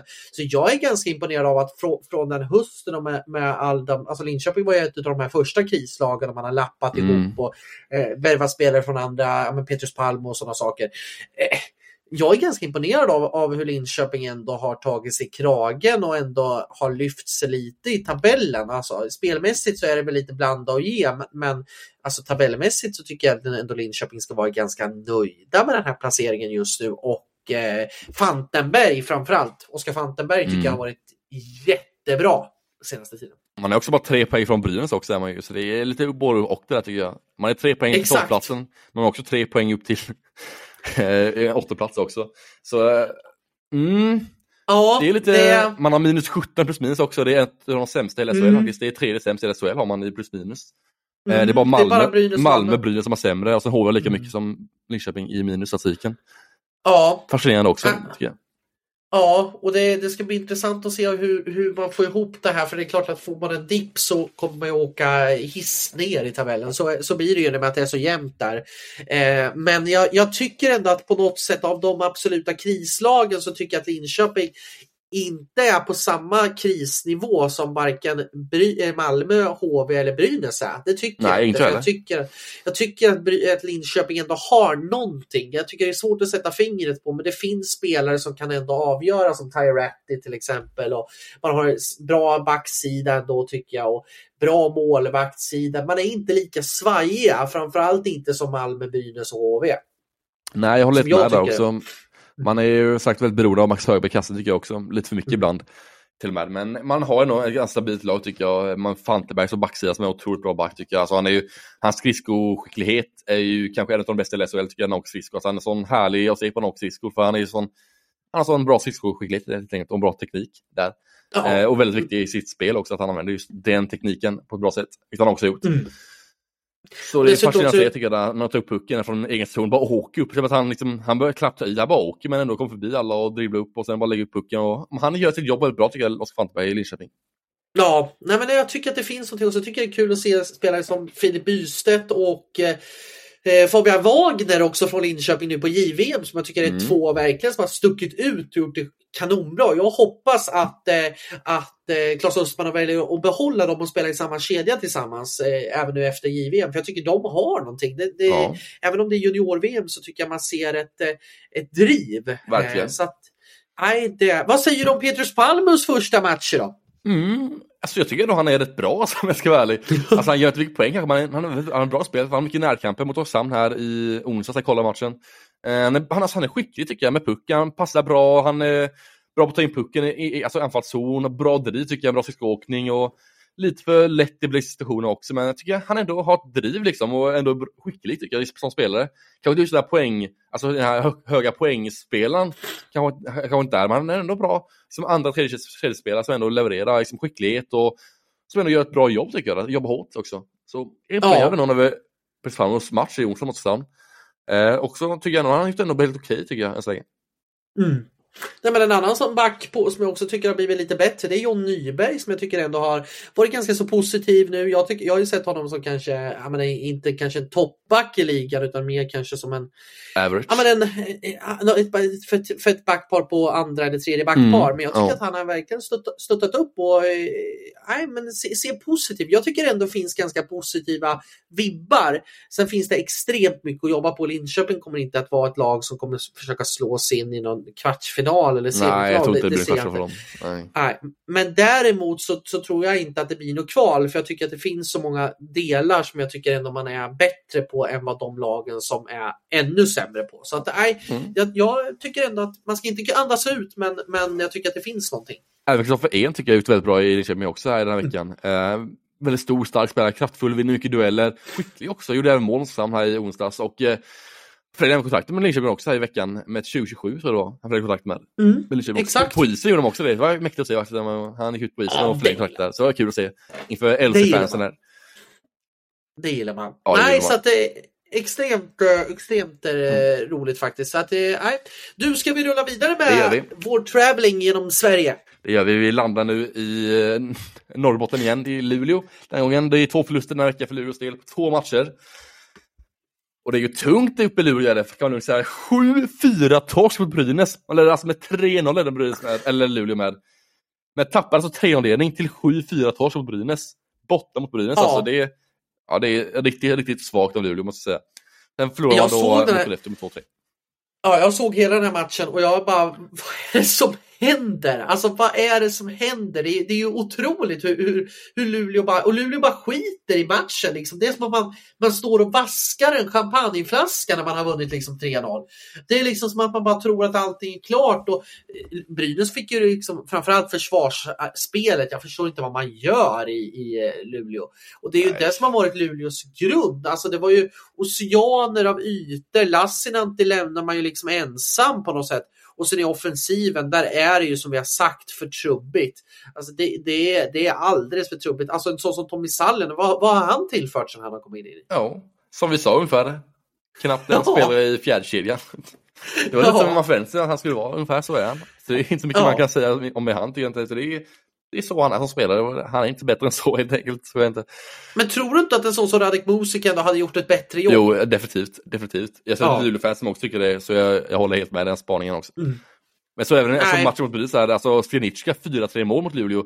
Det är väldigt talande för Luleås defensiva svajighet i den matchen. Alltså han, jag tror det var, om det var Timmersson, tror att de åkte upp med pucken och åkte bara rakt igenom hela försvaret i Luleå. Och så bara la passet till liksom, helt öppet mål Snicka. Han bara fick passningen, passningen på bladet, bara helt öppen kasse, bara lägga in pucken med Joel Lassinantti. Ja. Det var ingen back på Michael Snicka, han var helt öppet, bara kunde lägga in pucken där. Centralt också. Så där var riktigt dåligt av Luleå att inte ta bort Snickas 4-3 mål, att han inte tar bort hans klubb eller tar bort hans spelare där, utan han fick stå helt fri där en årskund och bara lägga in pucken. Ja, nej, alltså det, det, det håller inte. Det, det, det, är för mycket linjer i spelet som inte håller. Jag tycker så som Jesper Sellgren inte riktigt har kommit upp i nivå heller. På, de, på den, alltså blir ju rundad i den här matchen för ja. flertal gånger och vid flertal mål. Alltså han hade ju en mardrömsmatch. Det är inte bara hans ansvar, men, men jag ser inte det här leda, ledande spelarna. Jag tycker en sån som Erik Gustafsson på backplatsen inte heller riktigt går att känna igen. Nej, han, inte, han har varit väldigt dålig den här säsongen. Så det håller jag helt ja. med. Han har, ja, det är fruktansvärt. Eller det är väldigt oro, eller så här chockande tycker jag. För jag tycker han var rätt bra förra året i slutspelet och allt. Men sen efter finalen fick han någon riktig dipp. Och var inte mm. jättebra alls tycker jag inte. Nej men minus sju, det är ju nästan, alltså det är Olli Nyckelpetri som har minus åtta men han, det är ju liksom en breddspelare. Ja, Sen är det Erik Gustafsson som är minus sju i den statistiken. Det är ingen bra det är för, det är för dåligt, ledande match. Det är för dåligt. Ja. Nej, och liksom, det, man, alltså, det är för många spelare som inte har kommit upp i den nivån eh, och framförallt offensivt. Jag tycker Mario Kempe ser väl okej okay ut men det är, det är också för, en för, alltså, han har en uppstartsträcka som kommer ta så mm. himla mycket tid. Verkligen. Eh, så att jag, aj, och det, aj, det här laget kommer inte vara, jag tror inte ens man tar, kan, man tar sig vidare i en kvartsfinal. Jag tror inte man kommer vidare till kvartsfinalen som jag ska vara ärlig. Jag tror det blir kanske playinet. Ja, nej men om alltså ens, det här om är... det blir play-in. Ja, Ja. Jag, jag tror det blir play-in, men jag tror inte det blir mer än play-in. Tror jag inte alltså. Nej, om det ens blir play-in, om, om man inte kommer stanna, om man kommer vara strax över strecket och sen Mm. stanna. Ja, 10-11 För att- tror jag någonting man kan hamna. Ja, för nu är det inte bra. Man måste få in någon form av förstärkning på det här. Alltså för att jag ser inte, och jag ser en upprördhet också. Jag ser inte att man, man lyckas och, och jag läste, följer NSDs bevakning ganska mycket, Mm. mm. Norrländska Socialdemokraten, lokala tidningen i, i Luleå.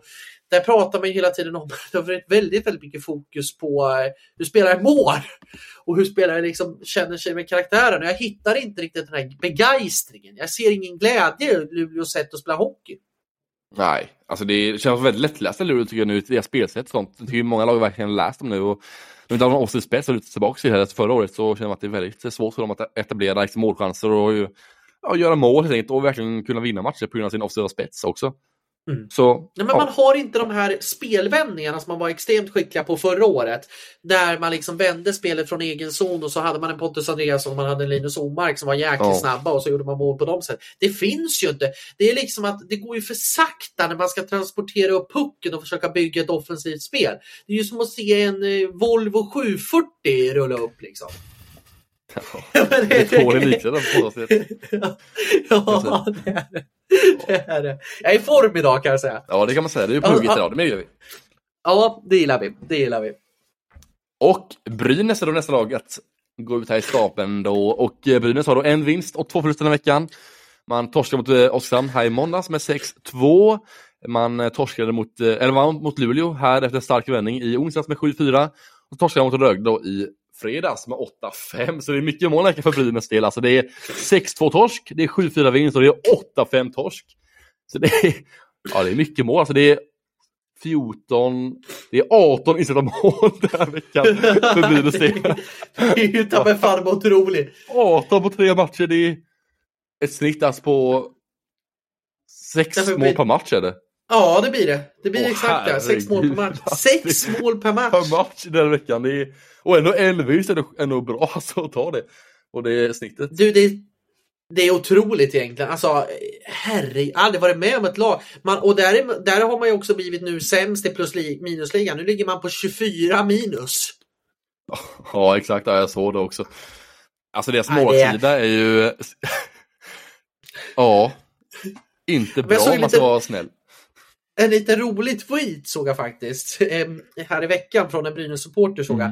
Eh, jag vill inte vara raljant eller någonting sånt utan det här var mer, mer för att jag tyckte det var en rolig spaning. Ja. Det var att man hade seriens bästa målvaktspar man gick in i det. Sen hade man en målvakt som inte har kommit upp i nivå. Sen hade man en annan målvakt som faktiskt var ganska bra som tröttnade. Mm. Ja. Sen så, sen så, eh, så får man inte till målvaktsspelare från den ena. Då tar man in en annan målvakt. Ja, den målvakten han får gå in när den andra blir sjuk. Och då, då får den målvakten, alltså Tommy Karunen, Ja. han är för dålig så han släpper in tre mål på en period och blir utbytt. Då tar man in en målvakt från Almtuna! En antagligen reservmålvakt är det tyvärr. Ja, Deras bänkmålvakt. då tar man in honom! Så han får ersätta han som har blivit sjuk och han som ska ha kommit in för han som tröttnade. Det är liksom... Det Ja, det är- är, ja, du hör ju hur det Det är låter. kaos kan man säga. Ja men vad är det här? Alltså, den matchen i måndags mot Sam, det kan vara en av de sämsta matcherna jag sett ett SHL-lag göra. Och Brynäs. ja. Alltså deras Nej. offensiva spel i matchen, det var obefintligt. Alltså man hade 5 och 3 powerplay i två minuter. Sköt tre skott på mål, så gjorde de 5 och 3 fem och tre i två minuter. Det, alltså, det gick så långsamt i deras powerplay och det var så dåligt, alltså deras passningsspel. Det var så fruktansvärt. Alltså jag mår dåligt för Brynäs fans, bara kolla på just den matchen, för Brynäs del. För alltså, det var Ja. så sjukt dåligt, vi fick mycket power till Brynäs i matchen. Fick 5 och 3 i två minuter som sagt, och, men ändå inte kunde göra mål på det. Så fick de eh, ett gratis mål där efter att Blaine Byron slarvade, slarvade och trillade i egen zon. Fick de upp en, eller upp en gata, Greg Scott gjorde mål. Sen Blomqvist gjorde en ganska slumpat mål när han slog på Kanatas ben och in, jag vet fan. Någonting sånt i, i det målet. Så det är väldigt två ganska slumpartade mål på Brynäs som han egentligen fick. Kan man säga då. Ett mål blev han bortbjuden på och ett mål var ganska slumpartat. Ja, så, och nej, så det var ingen bra match med... Brynäs. Och Tommy och är ihålig bak också. Ja, och sen så, nej. Och det var ju det du och jag sa också när vi hade den spaningen när han skulle gå in, att jag tror inte att det här är en målvakt som Nej. kan man ersätta. Och jag tycker man, man gjorde ju helt fel. Man har ju tagit helt, helt... Dels så tycker jag det är fel. Jag tycker ju att allt det här, om vi ska gå tillbaka till allt där allting började, så tycker jag att det var fel att göra sig av med Henning Solberg. För man hade bra målvakter förra året. Man var Mm. bra på målvaktssidan. Det var en av deras största stabiliteter. Eh, det tycker jag faktiskt. Nu så vet jag inte vad man håller på med. Det känns som att oavsett vem man ställer i mål så läcker det fullständigt bakåt. Ja, verkligen. Jag håller Det- helt med. Jag tycker Henrik Solberg måste varit, eller det måste, jag vet inte varför han inte tycker kvar det egentligen. Det är typ så här, ja. ja Johan Alsén var bra vän med eh, Honket, så kom han istället. Men det är, han är helt orutinerad liksom och det ser man ett kvitto på idag, tycker jag. Mm. Och sen har man ett försvarsspel som inte håller. Man har ju, det är ju för många spelare som inte håller på. Eh, och det, det jag tycker är konstigt för att det är ju bra spelare ganska offensivt. Att titta på som, som Samuel Johannesson som har varit jättebra till exempel, eh, David Sknicka. Sådana spelare är ju bra, man har ju bra så, men det är ju just det här djupet och man, jag tycker att det är mer kanske inte handlar om, om spelarna ibland, utan att det handlar om hur man uppträder i försvarssättet, hur man är rent taktiska, hur man spelar utifrån som ett lag. För individuellt så tycker jag att man ska kunna göra det bättre än vad man gör det här. Det, det, Mm. det, det, det är en trubbig spelartrupp, det ska vi verkligen säga, och det är absolut ingenting. Men man, så här får det inte se ut. Så här får det inte se ut. Nej, verkligen inte. Alltså, ja. Men det gillar de nu, att man ändå har kontinuitet i sina kedjehierarkier och sånt. Man har bra så här kedjehierarki tycker jag Brynäs ändå. Eh, Det gillar jag, att man har en ganska, man bara håller sig fast vid samma kedja hela tiden, tycker jag ändå. Så det är någonting som talar ju, positivt. Jo, det finns ju spelare som ändå levererar. Jag tycker Timars har sett lite mer pigg ut senaste tiden. Jag tycker att Greg Scott faktiskt fortsätter att leverera. Det finns ju vissa positiva, Mm. men, men som lag så är det som att man inte får ihop det. Och det är så att det jag är lite orolig med Brynäs. För att i man hade ett tag där man var ändå var ganska lite, lite mer svårslagna. Men då gjorde man väldigt, väldigt lite mål. Nu har man fått igång offensiven på lite, lite bättre sätt. Eh, Alltså om man ser till Luleå och sånt i, i produktion. Ja. Men då släpper man in för många mål bakåt. Det Ja. känns som att det, det, det, det är ett bygge där det inte riktigt går att få ihop helheten. Antingen är det någonting som funkar, men då fun- funkar inte det andra. Och så fu- funkar det, men då, då är det det andra istället som inte funkar. Man får inte ihop en helhet. Nej, verkligen så är det. Jag håller helt med dig i din utläggning där om Brynäs som sagt. Men nu är Mm. två lag kvar att gå igenom innan det är dags för lite andra segment då. Men IK Sand nästa lag då går vi igenom. Det är två vinster, en förlust i veckan för IK Sand. Man vann mot Brynäs i måndags som sagt med 6-2. Vann mot Linköping i onsdags med 4-2 efter en stark match där av Sands sida. Och man torskade i fredags mot Färjestad med 3-6. Uh, Jiri Mm. Har haft en fantastiskt bra vecka. Är väldigt het spelare just nu i SHL. Eh, gör det väldigt, väldigt bra. Både offensivt och defensivt. Jobbar hårt, vinner tag i pucken, gör mycket mål. Ja, en komplett spelare tycker jag i Oskarshamn. har gjort mål i samtliga matcher också den här veckan. Så det är Ah, ja, en stekhet. stekhet, ja. Det kan man minst sagt säga. Ja, fantastisk eh, spelare. Och vilket fynd! Alltså det är det jag, jag måste verkligen berömma också Thomas Röberg som sportchef som hittar de här spelarna, som ändå tar upp de här spelarna, som får dem att, att ta steget till SHL. Han kommer från finska ligan om jag inte är helt fel va? Exakt, från Pelicans, Mm. från Lahti. Ja. Norra Finland. Mm, norra, exakt. norra Finland. De har de här Nokia bilgrejerna har de sina testramper där faktiskt. Ja, men det var Ja. lite såhär basic. Totalt Ja. sidospår. Totalt sidospår. Ja. Eh, nej men alltså hur man har fått ihop det här och framförallt offensiven är ju rolig att se. Alltså. Oskarshamn är alltid rolig att se. Eh, sen släpper man ju fortfarande till kanske lite för mycket mål bakåt. Mm. Men ett lag också som jag tycker har rest sig senaste månaden om man ska Verkligen. säga så och blivit bättre och bättre och bättre. Och, och som vi snackade tidigare om, kontinuitet. Det är det jag gillar i Martin Filanders coachning. Mm. Är det någon som har kontinuitet i sitt ledarskap och i sitt sätt att vara och bygga lag, då är det Martin Filander. Ja, tålamod verkligen i sin liksom, uppbyggnad. Hur han får upp gruppen på ett bra sätt. Han har alltid tålamod med spelarna. Liksom, presterar de inte en match, ja, men då skitsamma, ta nästa match istället. Alltså, så här, det- han är alltid Mm. peppande och ändå tålamod, men ändå höga krav. Som ändå, det är bra kombo tycker jag. Han är väldigt bra coach på att hantera problem, bra coach på att hantera spelare, bra coach på att utveckla spelare och bli ännu bättre hos dem. Ehm, ja, som sagt, och sen har ju två stycken spelare också i, i Suomela och i Karlqvist och ett och två i poängligan. Eh, Suomela tror jag leder, eller ligger två i skytteligan också.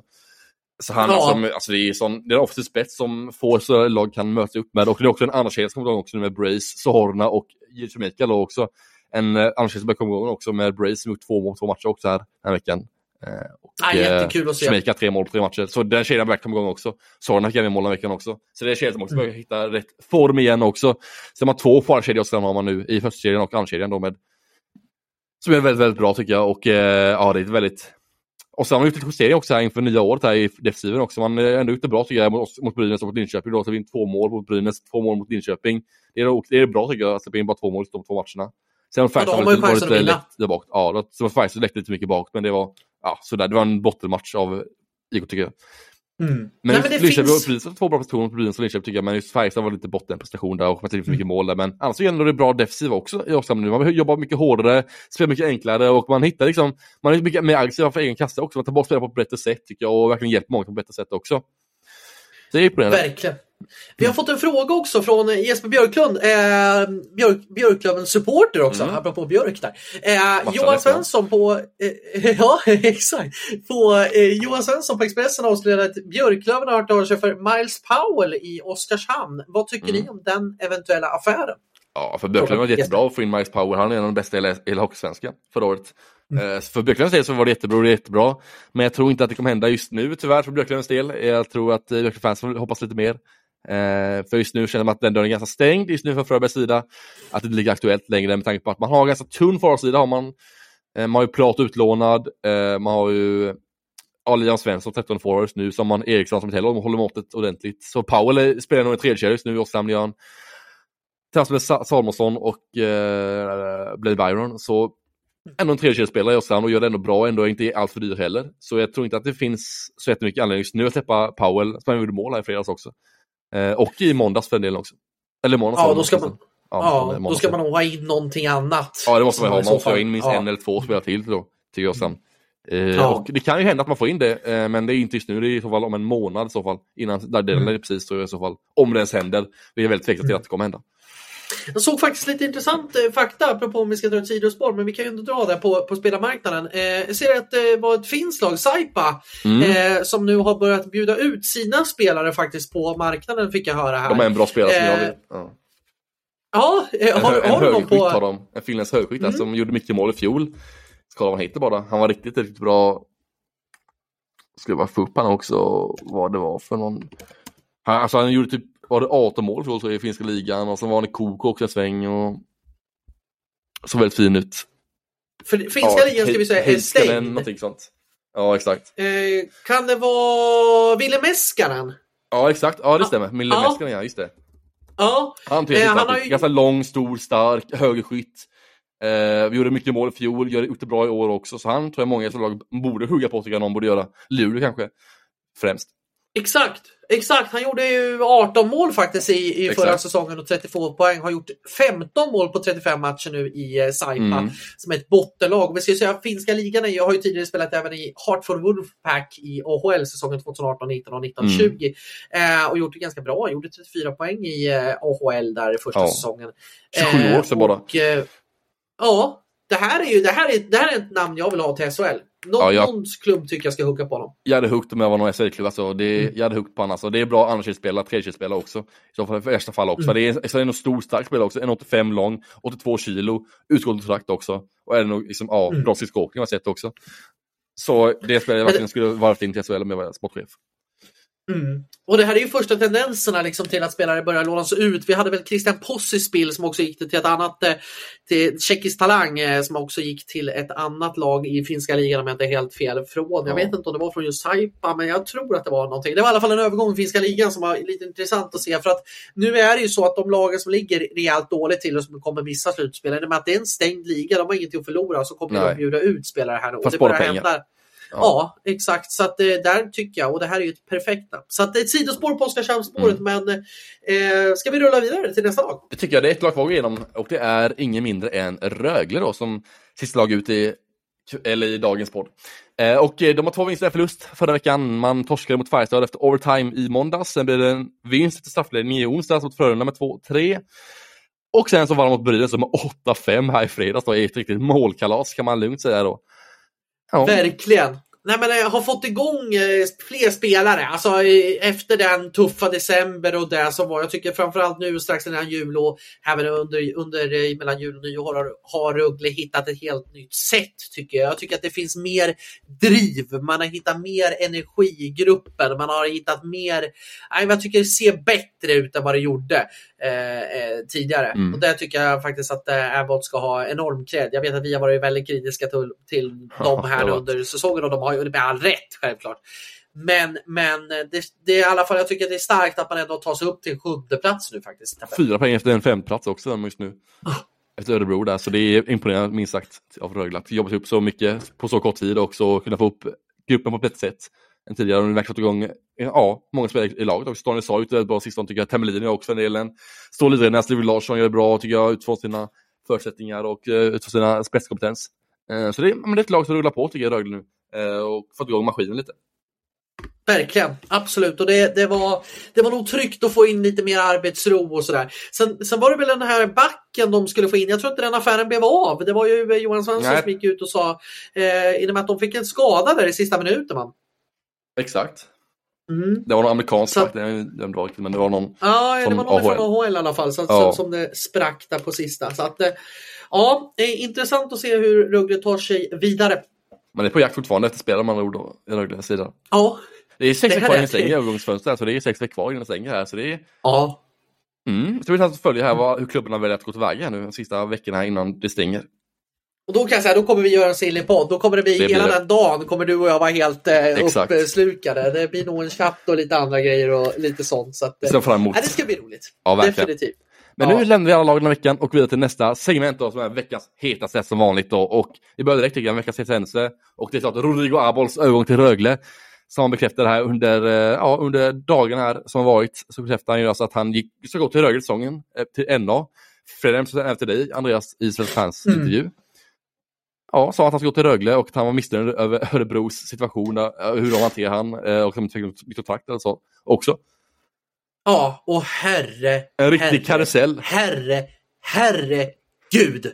Det brinner i Örebro just nu kan jag säga. Det brinner! Alltså, jag, jag, vet inte vad man ska förvänta sig när man går på matchen idag för att alltså supportrarna är vansinniga på det här liksom dels nu. Alltså det, det, det, alltså Örebro är ändå ett lag som är liksom i toppen av ligan och man har liksom fått ett bra driv och sådär. Men strax innan, innan eh, jul så meddelade man att, eh, att Niklas Eriksson inte kommer få förlängt. Många, många var upprörda på det. Det var det första.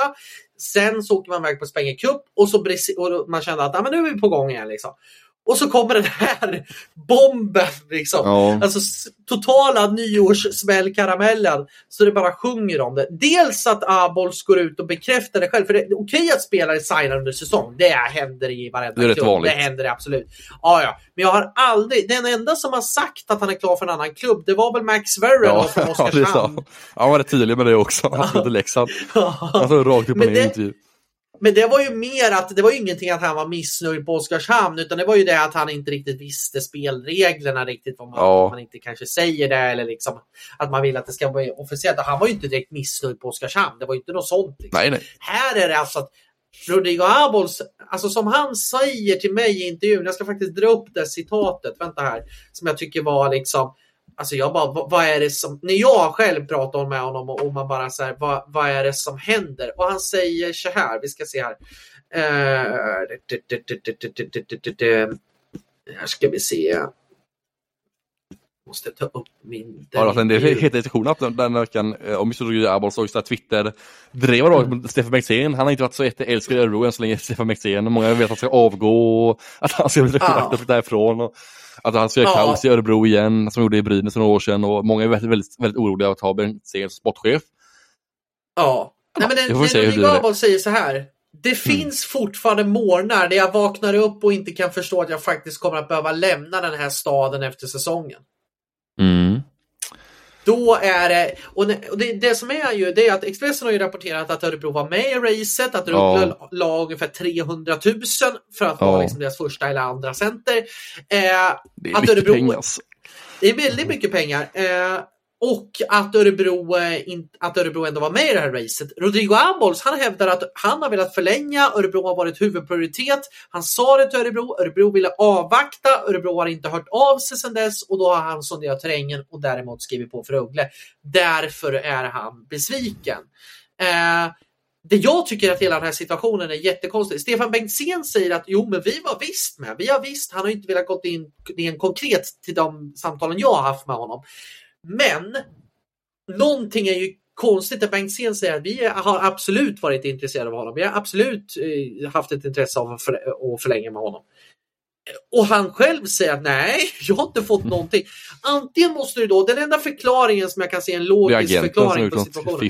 Ja, det är att agenten kanske har gått ut och sagt någon form av nivå att vi kommer inte diskutera kontrakt under 300 000 eller vi kommer inte diskutera kontrakt under 250 000.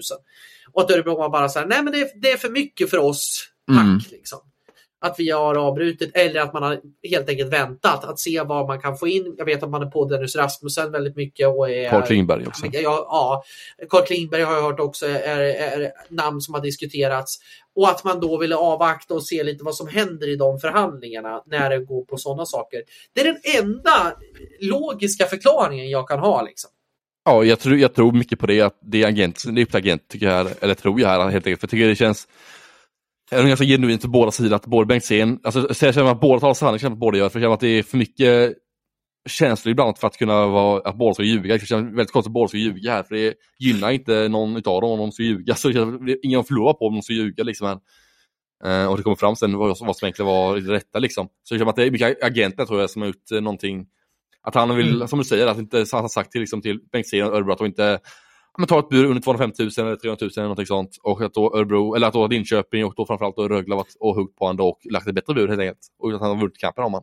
Jag tror det är så. Men vad tycker, vad tycker du att man, om som, man som lagkapten för ett lag ändå går ut och bekräftar att man är klar för ett annat lag och säger att man är besviken på sin egen klubb? Ja, det, det är ju lite problematiskt tycker jag. Jag tycker att ja. det, ska, det skadar ju ganska mycket både han, på han själv och allt för klubbens del också. Man som lagspelare ska man stå upp för klubbens värderingar och eh, så, men ändå så klagar man klubben och kritiserar klubben ganska hårt där. Abol. Så ah, det gillar jag inte att man går ut sådär, att man kritiserar klubben så mycket under säsongens gång. Nej. Det gillar jag inte. Nej, det håller, det håller inte jag heller. Sånt där får man ta efter i så fall. Jag, men jag däremot tycker jag att, att, jag tycker att Bengtzén är lite för alldeles för hårt eh, ansatt tycker jag än så länge. Jag tycker att man borde ta lite lugnt med Bengtzén än så länge. För jag tycker att jag tycker ändå han är ganska, lite smart i slutändan, men jag tycker ändå han så här, jag fattar ändå varför han vill gå vidare från Arbols och släppa honom för 300 000. Jag tycker inte han är värd 300 000 i månaden. Tycker, så bra tycker inte han är. Då fattar jag ändå att man vill gå vidare med någon annan spelare. Men också det här med Nix Eriksson. Jag tycker att det är visst, Nix Eriksson är en jättebra tränare. Han är lätt liksom, att vara kvar i Örebro också. Men jag tror också att Bengt sätter sin egen prägel på Örebro nu. Han har kommit in och verkligen vill göra om det lite som han själv vill. Och då fattar jag ändå varför man går vidare från de här besluten. Så jag tycker att han har fått lite för mycket hundhuvud, liksom, eller så han har fått för mycket skit än så länge tycker jag. Jag tycker att man ska vänta ja. lite längre tid när man liksom gör en helhetsbild av hans bedömning och sånt. Man kan vänta liksom, ja. nästa säsong kan man göra en bedömning av vad han har gjort. För han har kommit in som en ny än så länge och ska vara helt själv efter säsongen också. Efter att NJ har lämnat. Så jag tycker att man ska avvakta lite i kritiken, vara lite mildare mot han och bara vänta in och se vad som kommer in i Örebro och vad som mm. går åka ut sen. Ja, för den som kommer in nu också det är ju Johan Hedberg som blev klar precis innan vi spelade in. Eller klar exakt. är han inte, han är, inte officiell. Nej, Expressen gick ut med det. men Expressen gick ut exakt när vi skulle banda in det här. Så att, mm. eh, och det är ju en intressant och spännande tränare. Det Väldigt bra tränare. utvecklas senare i, i podden också. Men, men, men det ju, kan ju hända också att han har satt någon form av vilka spelare kanske han vill bygga laget Exakt. Och Eh, och det är klart, en Rodrigo Abols för 300 000 kronor i månaden, det är väldigt, väldigt mycket pengar. Det, det är väldigt, mm, väldigt mycket. Det är väldigt mycket pengar för att spela med 35 poäng per säsong. Ja, samtidigt är det ju spelare som kommer från de unga leden och som har en hög högsta nivå och som mm. är en egen produkt. Så som är svår ja, att, alltså det, det, är svårt att ersätta en sån kulturbärare om man säger så. Liksom. Ja. Eh, och det är klart att Dennis Rasmussen är ju kanske inte riktigt den spelartypen heller som jag tycker är liksom en poäng, poäng. Alltså, det är ingen kanske som går in och gör 50 poäng och SHL, det tror jag inte. 40-50. Någonstans mm. där. Jag, jag, tror att det är mer än, någonstans mellan 35 och 40 man får räkna på. på då. Och det är väl en okej första center, men, men det är ju lite, alltså det är ju frågan om, ska man lägga det på topp, topp, topp, topp spets då eller ska man ha, alltså det är, det är en svår balansgång. Jag tycker att det är ett jättesvårt val. Alltså, hade jag varit sportchef hade jag haft huvudbry. Alltså, Sen är det det att Rodrigo Abols, vad tror du om Örebro hade lagt 250? hade Rodrigo Abols accepterat det har han, har han fått 300, 300 i Rögle. Han har ändå tagit 50 000 mindre i månaden och ändå skrivit på för Örebro. Tror du det? Ja, alltså jag, ja, det är svårt det alltså. Jag, jag tror att han, att han har gjort det. Alltså skrivit på för Örebro för 250 kanske. Men samtidigt så jag vet inte riktigt vad, som, vad han tänker och tycker riktigt. För det känns som att väldigt konstig situation. Det är svårt att bara ta, alltså, ta analys av det här och nu tycker jag. Men jag tycker det är Alltså, han borde tacka ja till det sättet vad han säger till dig. Man vet aldrig vad han tänker inåt heller. Så här, vad han egentligen tänker också om hela situationen. Det är svårt att veta. Verkligen. Han kanske också testa något nytt, det vet man inte heller. Nej, och sen, sen måste ju kanske, det, det jag tycker att Örebro kanske måste bli lite vassare på det är kanske att eh, hitta kanske lite bättre kommunikation. Ja, det kan man lugnt säga. Sitt, i, mellan sina egna led. Det tycker jag faktiskt för att, för att Niklas Eriksson fick inte heller något besked och det blev tyst och det blev tyst och det blev tyst och sen bara nej men det, det blir inget. Här nej. verkar det ju ha varit samma sak med Abols samma sak med Tom Nilsson som vi hade i somras som var extremt märklig situation.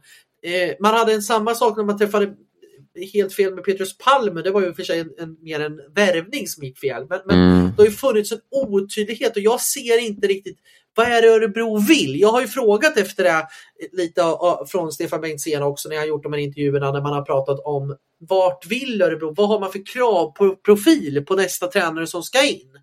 De svaren får inte vi, varken supportrar eller i media. Och jag kan tycka att istället för att man går ut och säger vi vill spela den här typen av hockey, vi ska sätta de här typen av spelarna, mm. man behöver inte säga några namn, men, men vi vill ha det här, liksom. vi vill bygga det så, att lägga upp en tydlig plan. Just nu så känns det som att Örebro Okej, okay, jag, tycker det är, jag tycker det är modigt att man testar på det, även om jag tycker att det är personligen att det är fel att, att vi inte förlänger med Niklas Eriksson. Men man måste ju ändå kunna hålla liksom en, en, plan. Man måste kunna ha på något sätt att kunna presentera hit vill vi, den här riktningen vill vi gå i. Och inte bara att ah, men det där tar vi sen eller de här. Vi vet ju inte ens vad som händer med Niklas Johansson som sportchef. Kommer det komma in någon annan sportchef? Kommer det liksom? Det blir för mycket tyst och allting. Alltså, jag kan dra ett litet citat. Gustav Svensson, Svensson Svensson sa ju att om man har ett problem ska man skjuta sig framför sig. Och och är man riktigt skicklig så kommer man aldrig upp där på problemet. det är lite den strategin som Örebro kör här. Mm. Ja, Men det är, bara det, att, det är bara det att man kommer från, från ett sätt, kommer man stöta på de här problemen. För att fansen tycker att det känns som en otydlighet. Det gör det verkligen, men ja, jag får se vad som händer. Känns också som att ta in Johan mm. Hedberg som huvudtränare, det att man verkligen han är, han är liksom en spelutvecklare, Johan Hedberg. Han är en spelare som utvecklar spelare när kommer till han, liksom, han är taktiker också. Men det känns mm. verkligen, det känns att man känns lite som att Bengtzén lägger, hans misslyckade värvningar lägger han på liksom Erikssons, att det är hans fel att han inte får ihop så här Peps Pals, mm. att han blir toppspelare eller någonting sånt. Det känns som att det är lite sån signal han skickar Bengtzén när han tar in Johan Hedberg som ny tränare också. Att han har missat mm. på spelutvecklingen i Örebro och därför har han tagit in en annan som är, som är spelutvecklare i grunden. Lite så känner jag över just Hedberg-värvningen och att man inte förlänger med Eriksson. Jag känner att mm. Bengtzén är missnöjd för att han tar in spelare, men så blir de bänkade för att de kommer till Örebro. Och alla chanser mm. bänkade de kommer till Örebro. Jag känner att han blir missnöjd på mm. Eriksson att han bänkar dem. Fast de inte mm. presterar ändå, men att de blir bänkade då, att de inte utvecklas. Och därför känner jag att Bengtsson inte riktigt gillar Erikssons ledarstil. Och därför är han tagit en annan, helt annan ledarstil som är lite annan spelutvecklare och lite, ja, så. Typ. Exakt. Du, ska vi köra vidare med nästa segment? jag måste... ska snart dra ner mig mot Bern här. Ja, jag ska snart till kostym här. Ja, verkligen. Ja, exakt. Vad är det? Eh, gör Avols övergång till Rögle som händelse. Och nästa kategori i detta segment är då Öka spelare. Och det är Joakim Nygård den här veckan har valt. Fast många spelare väljer på den här veckan. Han styr Lukas Forsell, Jiri Schmeika, Linus Söderström. Men jag valde nog Joakim Nygård för han hade en väldigt bra vecka bakom sig tycker jag. Verkligen. Ja, men klockren, klockren eh, spelare. Yes. Helt rätt val. Jajamän, faktiskt tanke, fundering har jag då valt att eh, jag tror Ludvig Larsson lämnar Rögle säsongen. Tror jag att han kommer göra. Jag tror det blir för tajt eller Rögles eh, förutsättning nästa år. Och jag tror att Ludvig Larsson kommer att lämna Rögle nästa säsong. Eller efter säsongen. Mm. Vad, vad tror du för klubb då? HV71 om han stannar kvar, tror jag. Mm. Ja, det tycker jag är en jäkligt bra spaning. Mm. Skulle verkligen kunna se honom i HV. Tror att ja. det hade varit en väldigt, väldigt bra matchning. Alltså, han passar bra in i många lag tycker jag, Ludvig Larsson. Liksom I Örebro, mm. i Luleå, i HV. Men jag tycker ändå HV har en så här Känner typiskt HS-värvning på något sätt tycker jag. Alltså, en spelare man kan lasta mycket pengar på också i Hockeyet som ändå har en bra plånbok och kan lasta mycket pengar på honom också tror jag. Så jag tror att man kan vinna i dragkamp idag om han. Absolut. Nej men det är, jag håller med dig helt fullt ut. Yes. Du, ska vi stänga butiken? Jag ska dra ner till Eller har vi inte någon mer listafråga? Jag tror vi hade någon listafråga här. Ja, men det ska vi avsluta med. Det Det, ska vi ta. Innan vi avslutar. det ska vi göra. Vi har, eh, jag tror att vi har fått, eh, Mm. jo vi fick in, eh, vem är i JVM-truppen? Kommer du ta en plats i NHL först? Den är, jag tycker den är given.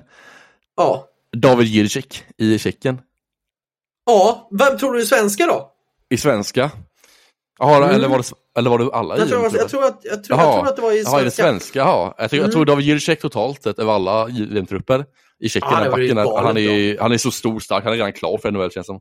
Han, han Simon Nemec likadan. Ja, exakt. Även, ja. Spacek tror jag också snart eh, kan vara det också. Mm. Men i alla fall, eh, i svenska JM-truppen då, vem kan det vara då? Eh, ehm, mm, alltså Carl Lindbom tror jag är uppe, han kan definitivt ta en plats. Jag tror att Filip Bystedt kan också vara en som spelar som topplats här alldeles strax. Mm. Leo Karlsson också klart, men jag hade också Leo Karlsson tycker jag. Jag tror Filip Bystedt Mm. eller Carl Lindbom tror jag. Ja, men jag tror också det. Jag tror definitivt på Carl Lindbom. Jag tror definitivt på Leo Karlsson. Jag skulle nog också kunna säga liksom en Milton. Nu tror jag inte ens han är draftad, men alltså om man Mm. skulle få ett NHL-kontrakt inom några år Ja, ja. så tror jag att han med sitt kapacitet framför kassen, för den spelaren eh, brukar vara ganska så uppskattad i NHL. Just de här spelarna som kan vara framför kassen, alltså de här grit-spelarna, brukar vara mycket, mycket enklare än om du är liksom, ska försöka slå in det som en typ av första kedjespelare. De här Mm. grit-spelarna, och där tror jag att Milton Oskars, Oskarsson har en ganska bra spetskompetens. Så att, eh, Nej, eh, Ludvig Jansson vet jag inte eftersom jag har inte sett honom så mycket i Nå. Södertälje under säsongen. Men, men det känns ju som att ehm, Det känns tveksamt där, Luleå Jansson. Ja. Han är bra nu vidare, men jag tror inte att han tar en plats nästa år. Jag tror mer på Bystedt eller Carl Lindbom som redan draftade också. Jag tycker också Vegas Mm. Golden Knights har inget bra de inte heller Vegas. Kan Ja, det. komma in också som en tredje målvakt, andra målvakt, tredje målvakt där. Bystedt i San Jose Sharks, eh, också San Jose är också i behov av forwards. Så alltså är så tänker jag också att Bystedt kan ta plats redan efter den här säsongen tror jag med sin storlek och han har ändå rutin för SHL efter, efter ett par säsonger här i SHL också. Jag tror han känns rätt redo för eh, NHL också. Leo Karlsson samma sak där också. Så. Ja, Fabian Wagner tror jag också kan eh, i någon form av rollspelare, skulle Mm, ja. i alla fall AHL. Eh, väl lite, men men jag tycker också att Bystedt är den som jag tycker känns mest Ja. mogen. Eh, Viktor Stjernborg vet jag inte riktigt. Eh, Ja, känns mer SHL-kompatibel. Ja, exakt. Men Bystedt, jag håller med dig. Jag tycker att han är, han är den som är mest tycker jag, re, redo på något sätt. Leo Karlsson. Är den som kommer nå längst, det tror jag. Men jag tror att, eh, att Bystedt är den som kommer gå in snabbast. Mm. Ja, men Det verkligen. tror jag. Vi har en fråga till har vi att avhandla innan vi avslutar podden idag. Mm. Mm. Det är från Joel, Joel Hjalmarsson här från Frölunda-fans. Ehm, Mm. Hade varit kul att höra er resonera lite kring Frölundas och Färjestads backsättning nästa säsong, som bägge ser exceptionellt bra ut. Ehm, Tömmernes, Borgman, Folin respektive Nygren, Lennström, Wikstrand. Hur ska det kommenteras bakom och så vidare? Ja, Ja. Eh, då ska ja, kolla. Jag ser- tog upp Fär- Frölunda, eller tog upp Färjestads. Här har vi Färjestads backuppsättning här. Man har alltså Axel Bergqvist kontrakt, Lennström kontrakt, man har eh, Tornberg kontrakt och man har Wikstrand kontrakt. Så det är, Ja, totalt är en, jäkla- två, det är fyra backar under kontrakt nästa säsong har man. Resten Mm. utgående. Det är ju jäkligt bra faktiskt. Jag tycker att det är, det är väldigt bra stomme att ha. Mm. Eh, och så ska vi väl addera Nygren till det här nu va?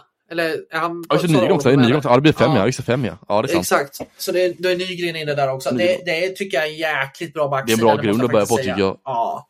Det så finns nog man- många bra spelare. Man, man kan inte komplettera med massa jättebra spelare egentligen. Det räcker med att man tar in kanske någon, men någon bra till som ersätter Pocket typ. Eh, ta Mm. in men en Folkhälsosvenskan också tycker jag. Man kan ta in. Mm. Nej, jag håller med dig. Jag tycker en, en från Hockeyallsvenskan. Och där finns det ju många så- på Wilhelm Westlund i Karlskoga till exempel. är en bra back tycker jag. Nära för Karlstad också. Spelade faktiskt innan tror jag också i ungdomsåren. Gjort väldigt bra där i Karlskoga nu. Eh, Viktor Mm. Gran i Kristianstad också. En back som jag tycker passar bra in i Färjestad. Eh, man ska nämna ett par där.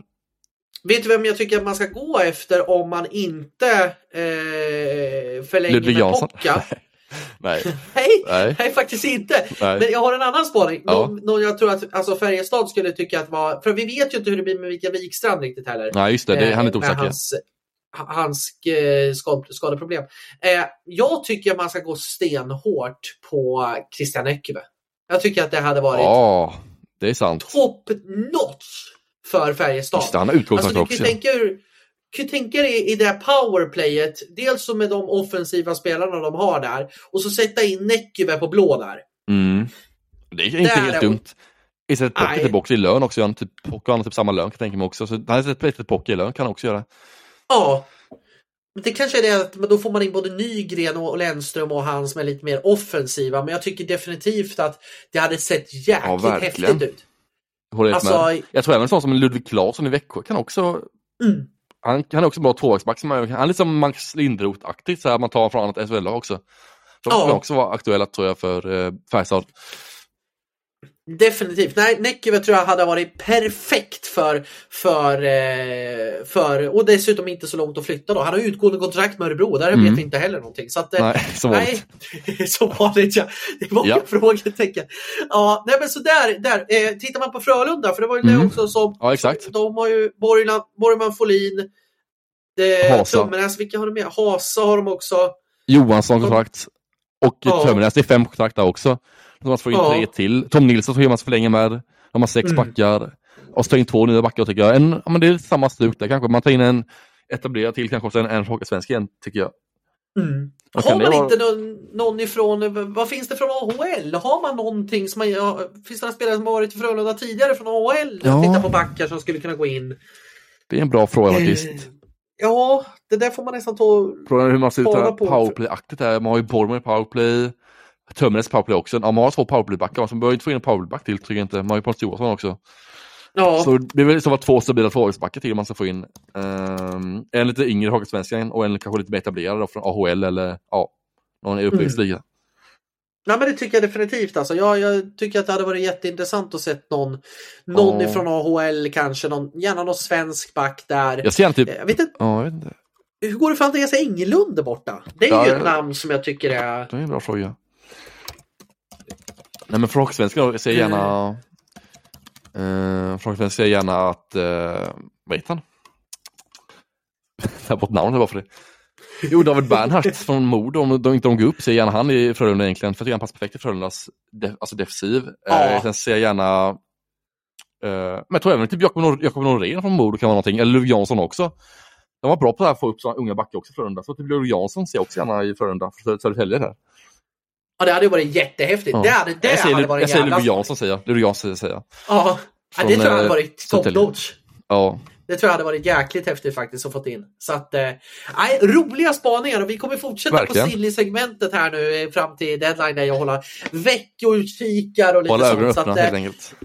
definitivt. Men du, ska vi stänga iväg butiken? Nu stänger butik för idag. Första avsnittet för år var det. Första avsnittet för år, 2023. Det var kul.